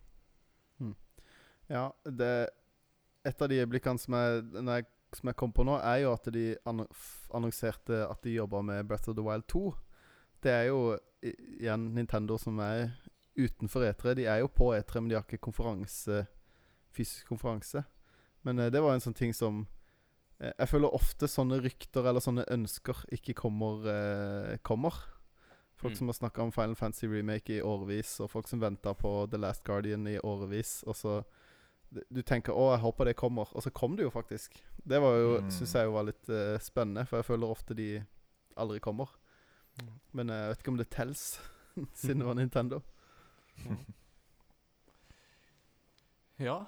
um, jeg tenkte jo òg på Ja, vær så god. For liksom, En av grunnene til at jeg spurte Mats og Ingar, er for dere nevnte noe veldig spesielt, og det var å få litt alt det samla. Men Mm. legger dere merke til at majoriteten av det dere nevnte nå, var ting nesten utenom spillene? Og jeg tror at en av grunnene til det, og at dere til og med nevnte den første skikkelige konferansen, er at når det er såpass tett som det er på E3, så forsvinner masse andre ut av hodet. Det er derfor jeg faktisk liker det de gjør den sommeren her, at de sprer det utover. Det kan gi oss flere sånne sekvenser som Akamura tror det er det er etternavnet hennes. Ja, jeg tror det. At, at de får litt tid til å være genuin. For Mm. en av grunnene til at til og med Mr. Greg Miller fra Kind of Funny ikke klarte å gjøre EA sin konferanse noe spesielt, er at det føles så ekstremt innøvd. Mm. Jeg er så lei av å se EA-sjefene komme opp på scenen med dress og sånn, og lese rett fra monitoren. Det er ikke noe lidenskap. Mm. Det er av at der må de prøve å overgå hverandre. Først EA, så Microsoft, så Square Enix, så Ubisoft, og så Sony helt Mm. til i fjor. At de liksom De må printe inn det så liksom De PR-ansvarlige får ikke liksom De får ikke beskjed om å liksom gjøre spillet interessant. Det Bring det til massene. Orden CG-trailer, orden show. La Keanu Reeves komme ut på scenen. La John Brenthal komme ut på Ubisoft i scene med lille bissevoven sin, som var veldig lydig. liksom. Jeg tror at nå får de mer tid til f.eks. Breath of the Wild 2. At Mm. de får rommene for seg sjøl. Mm. Det får de ikke på en spillmesse, og dermed forsvinner både storspill Ingen av dere nevnte Marvels Avengers, men det er en litt grunn til hvordan de viste fram òg. Mm. Mm. Og litt sånne ting at til og med storspill som småspill forsvinner om de samles såpass tett i tett i tett i tett. Nå kanskje jeg snakker litt til en spilljournalist òg, som faktisk må være våken de tolv timene i strekk og legge ut 50 nyheter i løpet av to timer. Mm. Liksom, jeg føler at det her kan bli litt bedre, altså med internett, hvor du til og med får et tidsskjema som du vet du vet når du kan følge med. Mm. Om du i alle fall følger spillebransjen spillbransjen like tett som meg, da, Mm. Mats. Mm. Jeg er litt sånn eh, Jeg er litt ui...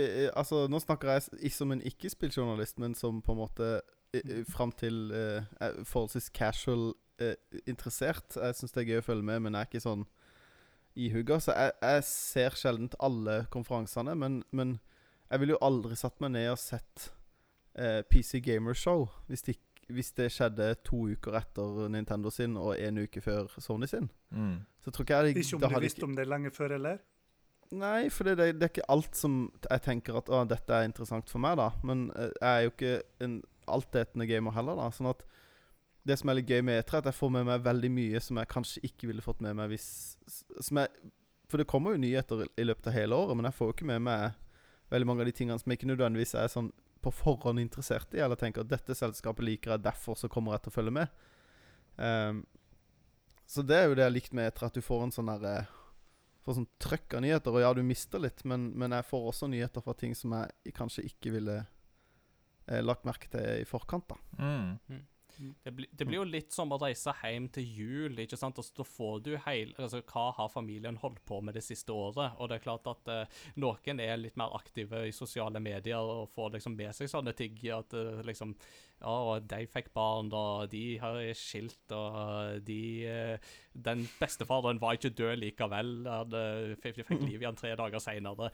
men altså OK, det tror jeg de fleste hadde fått med seg. Eh, men altså, uansett, eh, altså Det blir på en måte sånn kokepunkt da, der du får på en måte trykt masse ting på en gang, og så husker Mm. du ikke halvparten av det i etterkant, men allikevel så var det litt sånn Du kjente det var litt godt, det var litt nyttig likevel.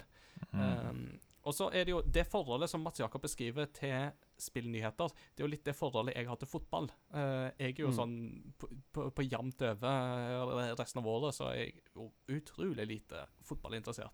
Men med en gang det er EM, eller det er VM, eller det er en Champions League-finale, eller noe sånt, så kjenner jeg jo at da våkner den interessen, og da blir jeg jo ekstra interessert i å følge med. Som jo òg da gjør at det, da går jo det er jo de gangene jeg går inn på VG-sporten og lese. Mm. Uh.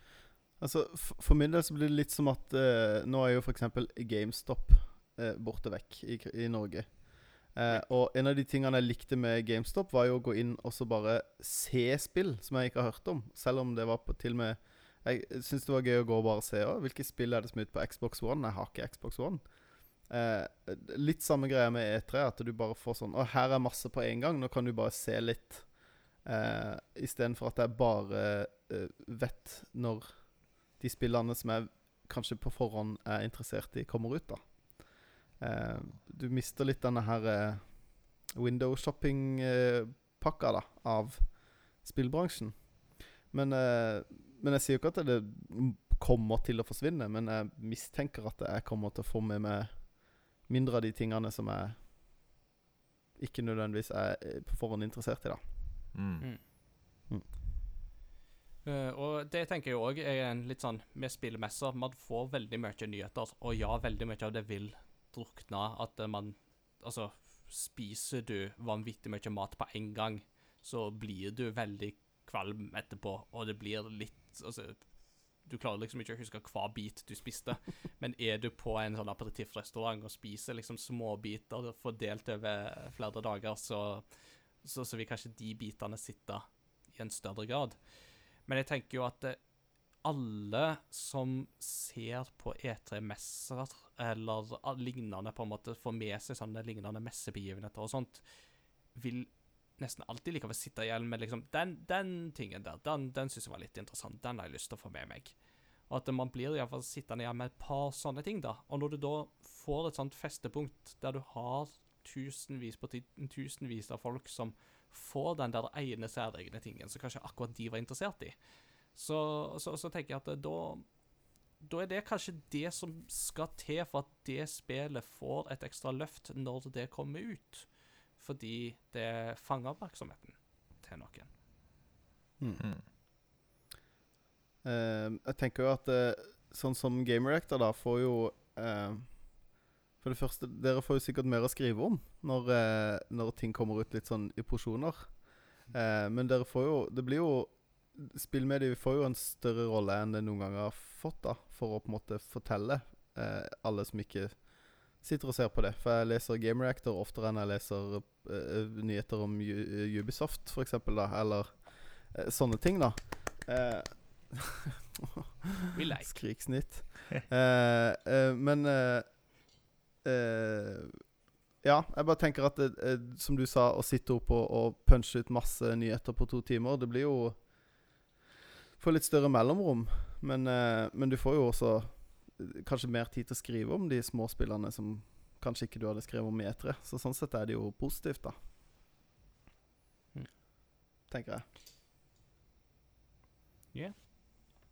en, jeg, liker- Det er greit for meg å liksom få seg om dere òg, for det er litt Mm. jeg sa på discorden til oss i redaksjonen i Game Reactor, og at det er litt ekkelt for meg som følger spillbransjen så, såpass tett. så Det er greit å høre fra Dano, f.eks. Mats som sier at du er Mm. mer den gjennomsnittlige spiller, da, for å si det sånn.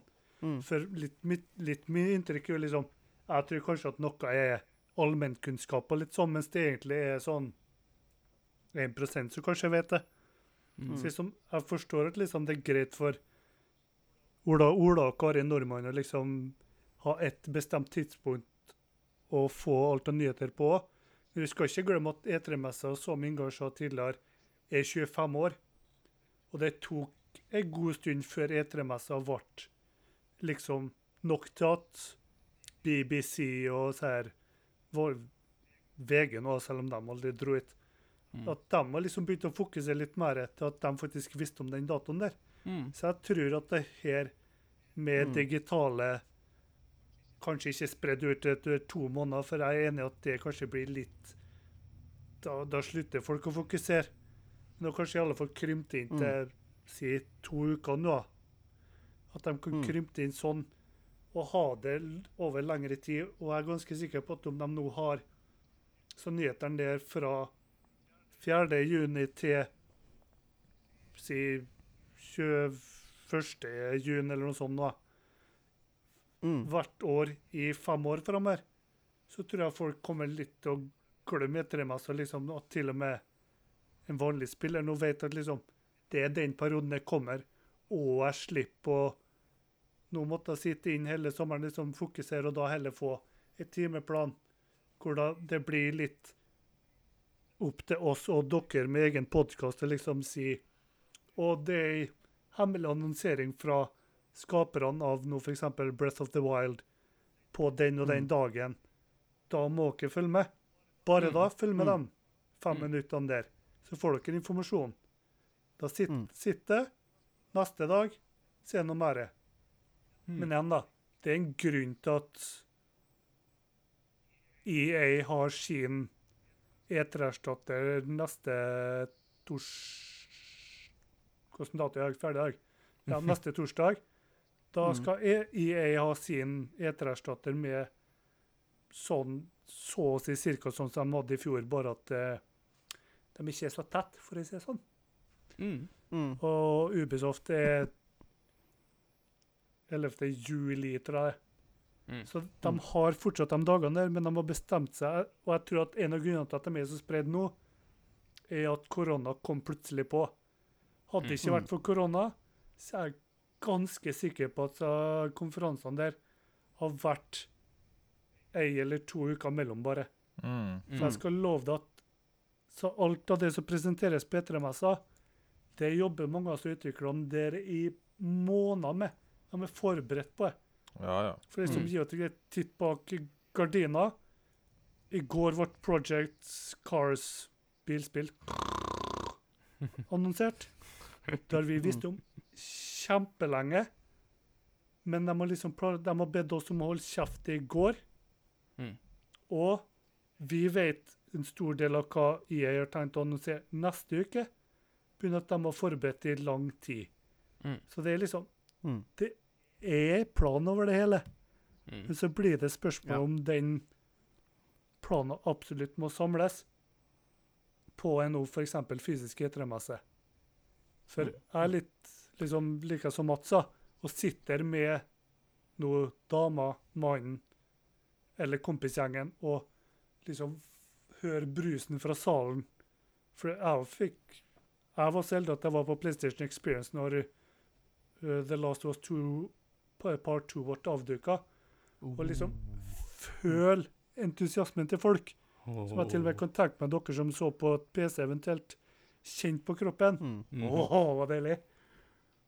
Men Mm. det f jeg mener at det ikke fyller nok nok plass altså, til at vi det rettferdiggjør Sondre Messe i seg sjøl. Nå Mm. ble det veldig dårlig formulert, men det er Nei, sånn. Eh, Mats Jakob, du får uh, ordet nå, og så Mm. får folk, de som eventuelt har eh, andre closing arguments, for å forberede de eh, i mellomtida. Mm. Ja, jeg er ikke nødvendigvis eh, for en, eh, en, eh, en, eh, en eh, messe som er fysisk, men uh, som du sier, jeg tror det hadde vært bedre hvis det var litt mer komprimert. Som du sier, at det er Ja, som, ja, som vi alle har sagt, at det er noe med den der høytida, da. Med liksom juni, at da skjer det ting. At man vet at det er der, og at ikke det er eh, Man må vente veldig. Og så tenker jeg òg, litt som vi har snakka om før, med liksom måten Sony PlayStation eh, ble annonsert på, eh, på bakgrunn av hva Sega gjorde.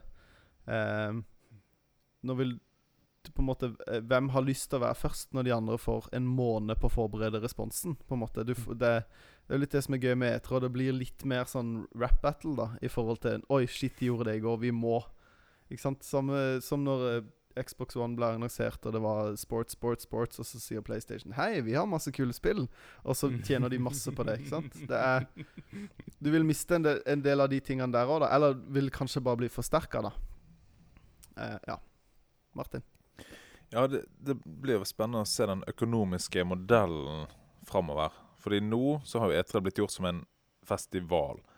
Hvis du ser på eh, Øyafestivalen nå, så har de diverse headliners. si Coldplay, Rihanna osv. Som de sprer utover maks fire dager.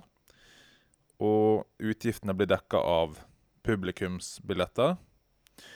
Eh, og da har du det tidsrommet av oppmerksomhet. Du får solgt hel Altså et pass på alle dagene fordi det er nok juice for eh, den gjenge publikummer å komme dit. Det er verdt pengene for det er nok i løpet av det tidsrommet å komme dit. Men hvis de velger å gå digitalt, så blir det jo mindre utgifter. Og jeg tenker maks en uke for å holde på tidsrommet og oppmerksomheten til eh, publikum og media, tenker jeg egentlig. Mm. Mm. Ja. Så jeg vet ikke om vi har landa på noen fast bestemt konklusjon, men eh, jeg tror iallfall at vi har eh, gitt eh, lytterne våre noen gode tanker å tenke videre på. Og Mm. jeg tror nok til en viss grad så er det et sånt Trenger vi egentlig spille messen? At det er et sånt På et eller annet vis så trenger vi noe?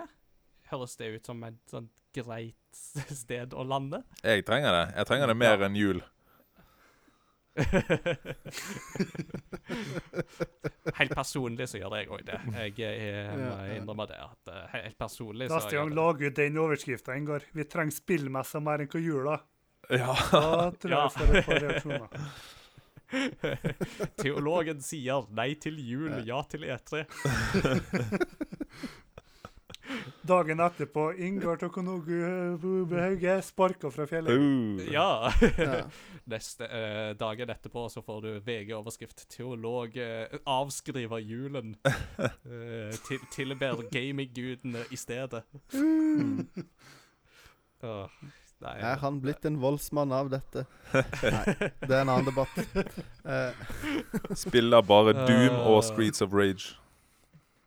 Eh, og, og, og sitatet 'voldelig jazzballett' blir bare trykt i stor eh, font. Hadde Venzo bare spilte World of Warcraft. Mm. Alltid. Ja, ja, ja. Mm. Alltid. Mm, Hele tida. Det forklarte alt. Nei da. Nei, eh, jeg tror vi lander årets eh, E3-høymesse, som ikke ble en E3-høymesse-diskusjon eh, rundt det. Men eh, jeg syns Mm. iallfall at diskusjonen var god å ha. Og eh, ja, det blir veldig spennende å se hvordan eh, dette her blir i tida etter koronapandemien, eh, ikke minst. Så det blir spennende å se hva lærdom man tar med seg, og hva, trender som blir, blir satt. Mm. For dette er en hebreke pachinko-kontroller til Super Nintendo. It's curiosity. What are you gonna show to me?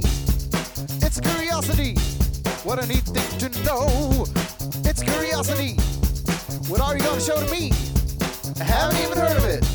What a neat thing to know. It's a great part of the show.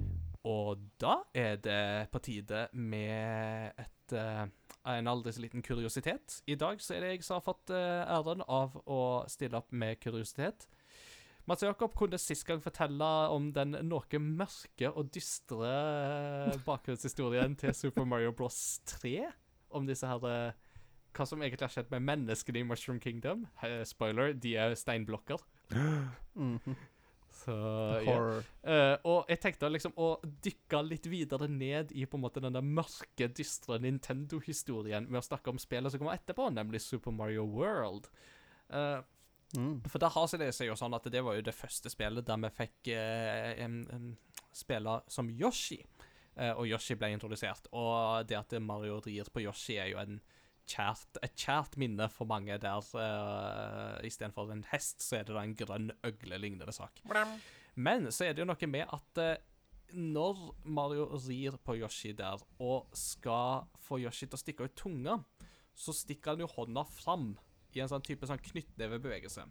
Og da har jo diskusjonen vært Er det det at han peker på det som Yoshi skal spise, eller er det det at han faktisk slår Yoshi i hodet, sånn at Yoshi som en instinktiv reaksjon stikker ut tunga? Og eh, for et par år siden så kunne de bekrefte at i det originale konseptet så var det faktisk det sistnevnte. Pisking. At Mario slår Yoshi i hodet. Eh, og ekvivalenten da var da at uh, de så for seg at uh, Yoshi var som en hest, og når du da skal få en hest til å ri fortere, så må du slå på han for at han skal liksom ri fortere. Og da var det det eksempelet de brukte inn imot konseptutviklinga av Yoshi, var det at Mario slo Yoshi på hodet hver bidige gang han ville at Yoshi skulle spise noe. Mm. Men så hadde de jo da òg bekrefta at det var i utviklingsfasen, og at etter hvert så gikk det over til at du fikk den der peke Han peker på ting. Eh, noe som man da blant annet òg ser av artwork ifra spillet. Eh, så det, det endte greit til slutt, men eh, det så veldig mørkt ut der en periode. Så Yoshi har jo opprinnelig et egentlig ganske voldelig navn. Eh, Yoshis fulle navn er jo T. Yoshisaurus Munchakoopas. Så det er både referanser til T-rex og at han muncher på Koopas. Så eh, det er ikke bare epler han spiser der. Eh, Nei, si det. Martin. Eh, Veldig bra av Yoshi å registrere i bakhodet at Mario peker, da. Men det kan jo være av frykt av fordums slag at han kjenner bevegelsen av hånden, og så reagerer han. rett og slett. litt sånn pavlovisk over det. Mm. Mm. Mm, mm. En pavlovisk Yoshi-reaksjon. Mm. Jeg forstår liksom ikke at folk er overraska at eh, liksom Nintendo holder på sånn. Og de er så barnevennlige. Vi snakker om en rørlegger som er mer enn villig til å kaste hesten sin ned i et dyp for å komme over en, et lite gap. Vi snakker om en rørlegger som er villig til å skinne dyr for å kunne fly høyt. Vi snakker om en rørlegger som griller små sopper som skriker lidelse. Ja. Masse sånn. Hva er det for Og tull? spiser sopp. Er Knuste folk som er gjort om til stein. Han spiser jo sopp er for å bli høy. greier. Ja, ja, ja. Det, Ja, ja, det er ganske It's all there, people. Barneleka meg midt i. Wake, wake up. Wake up, smell the truth. Mm -hmm. uh, Mm. Hva er det? Det er jo litt som ah, Han som fant opp eh, Pokémon, hans inspirasjon var jo fra da han var barn. Han fanga insekter og putta de i et syltetøyglass, og så de kjempe til døden. Ja, ja. Mm. Han hadde jo en insektsamling, da, som er ganske vanlig å ha. Ja, ja. Mm. Mm. Men, men Det er litt eh, det samme som å pelle beina av edderkopper, er det ikke det? Eller rive vingene av fluer. Eh, Ikke hvis det er for science. Men uh, Det har jeg jo snakket om før òg, for så vidt. Men uh, grunnen til at Pokémon besvimer, og at de ikke dør, var jo fordi at uh, skaperen av Pokémon var veldig opptatt av det at det er nok på en måte død og lidelse sånn sett i spill allerede. At han ville ikke på en måte ha mer av det, da. Så han ønska Mm. at de heller skulle besvime, og at du da kunne eh, liksom bare med godt pleie og stell, så fikk du det tilbake igjen. Mm. Så eh, Mm. det er en fin tanke, da. Absolutt. Yay, besvim og så bli sugd inn i en ball hvor du er altfor liten til kroppen din. Yes. Yay. Science! det, det er pros, pros and cons. Pros and cons.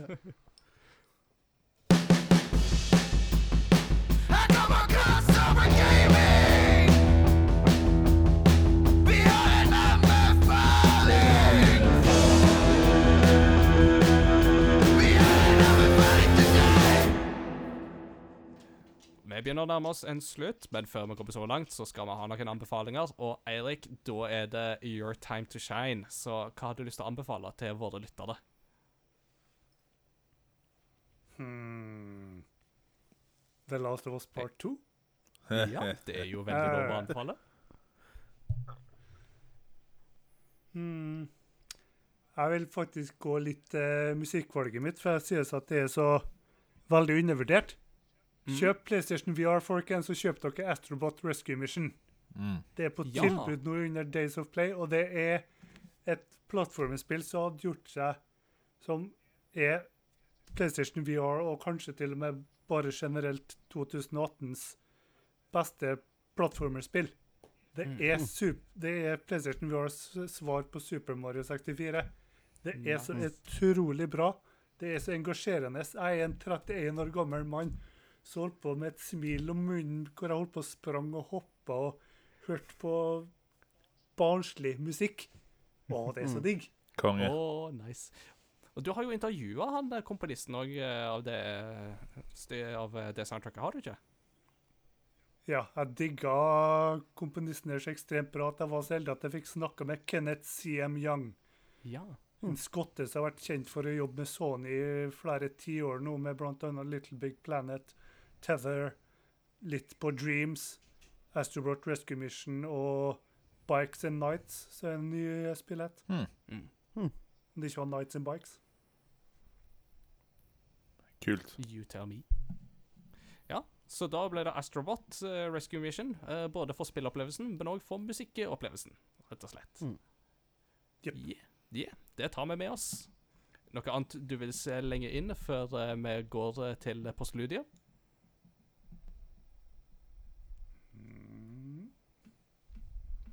Nei, egentlig ikke. Jeg har lyst til å høre hva dere har å anbefale meg nå. Uh, ja det, Jeg hadde egentlig ikke kokt opp noe sånn på stående fot, men eh, jeg vil jo fortsatt slå et slag for uh, The Clone Wars, The Final Season, når uh, folk får tilgang på Disney Pluss i Norge. eh, I september, eller hvor tid det blir. Jeg har vel kanskje ikke snakka så mye om det her, men altså Jeg kan ikke få sagt det ofte nok. altså Folk gleder seg til det med Mandalorian, absolutt, men Clone Wars The Final Season avslutninga der er seriøst noe av det beste Star Wars jeg har vært borti. Og jeg har vært borti en god del Star Wars i løpet av mine 20 pluss år som Star Wars-fan. Så det er nesten på Det er så høyt oppe som si, Empire Strikes Back-nivå. Altså, det er, mm. det er skyhøyt. Så få med dere Clone Wars, om ikke annet bare fordi at sesongavslutninga av siste sesong er helt fantastisk. Mm. All right. Uh, Martin, hadde du noe du ville slenge inn? Jeg Skal bare anbefale en eh, veldig fin podkast med god dybde og veldig reflekterte mennesker som heter Crossover Gaming. Og de har en nettside som heter crossovergaming.no, der du kan finne Discord. Så bli med og spill med oss. Yeah. Yes, absolutt. Det kan vi ikke få si, sagt ofte nok. Eh, jeg vil jo da igjen slå et slag for eh, quizene dine, Ingar. Det er Mm. sånn dagshøydepunkt. Denne uka har vært litt ekstra tung. For det ikke har vært noen quizer. Mm. Eh, det, er, det er veldig gøy. Og så er det veldig gøy eh, for oss som kjenner deg, for det er litt sånn eh, Ingar spiller Breath of the Wild. Nei, eh, Skyward Sword. Det kommer et spørsmål fra Skyward Sword. Det er, det, er, det, er- det er veldig godt å se. Det, du føler liksom at jeg følger litt med på hva du spiller òg, gjennom de quizene. Du merker at det er notorisk få Commodore 64-spørsmål på disse quizene, og det avslører kanskje et eh, ganske grovt hull i eh, min eh, spillkunnskap. Hmm. Så Ja. yeah. Eh, Nei, jeg måtte ta en liten pause. Game Gear eh, Ja. Game Gear-spørsmål. Ja, men det skal vi kunne klare. Nei, jeg måtte ta en liten pause denne veka Det her. kommer når eh, Ingar begynner med mikro. Ja. Ja. ja, Game Gear Micro er jo annonsert, så vi får håpe at Ja, vi får det det her til lands òg. Nei da. jeg måtte ta en liten pause fra spillquizer denne veka her for å lade batteriene litt, men det kommer sterkere tilbake neste uke. Og følg med i Discord der, altså, så får dere det. Mm. Helt til slutt så skal vi ha et postludium der vi får et spillstykke eh, å tune ut med. Og Eirik, hva har du valgt for oss i dag?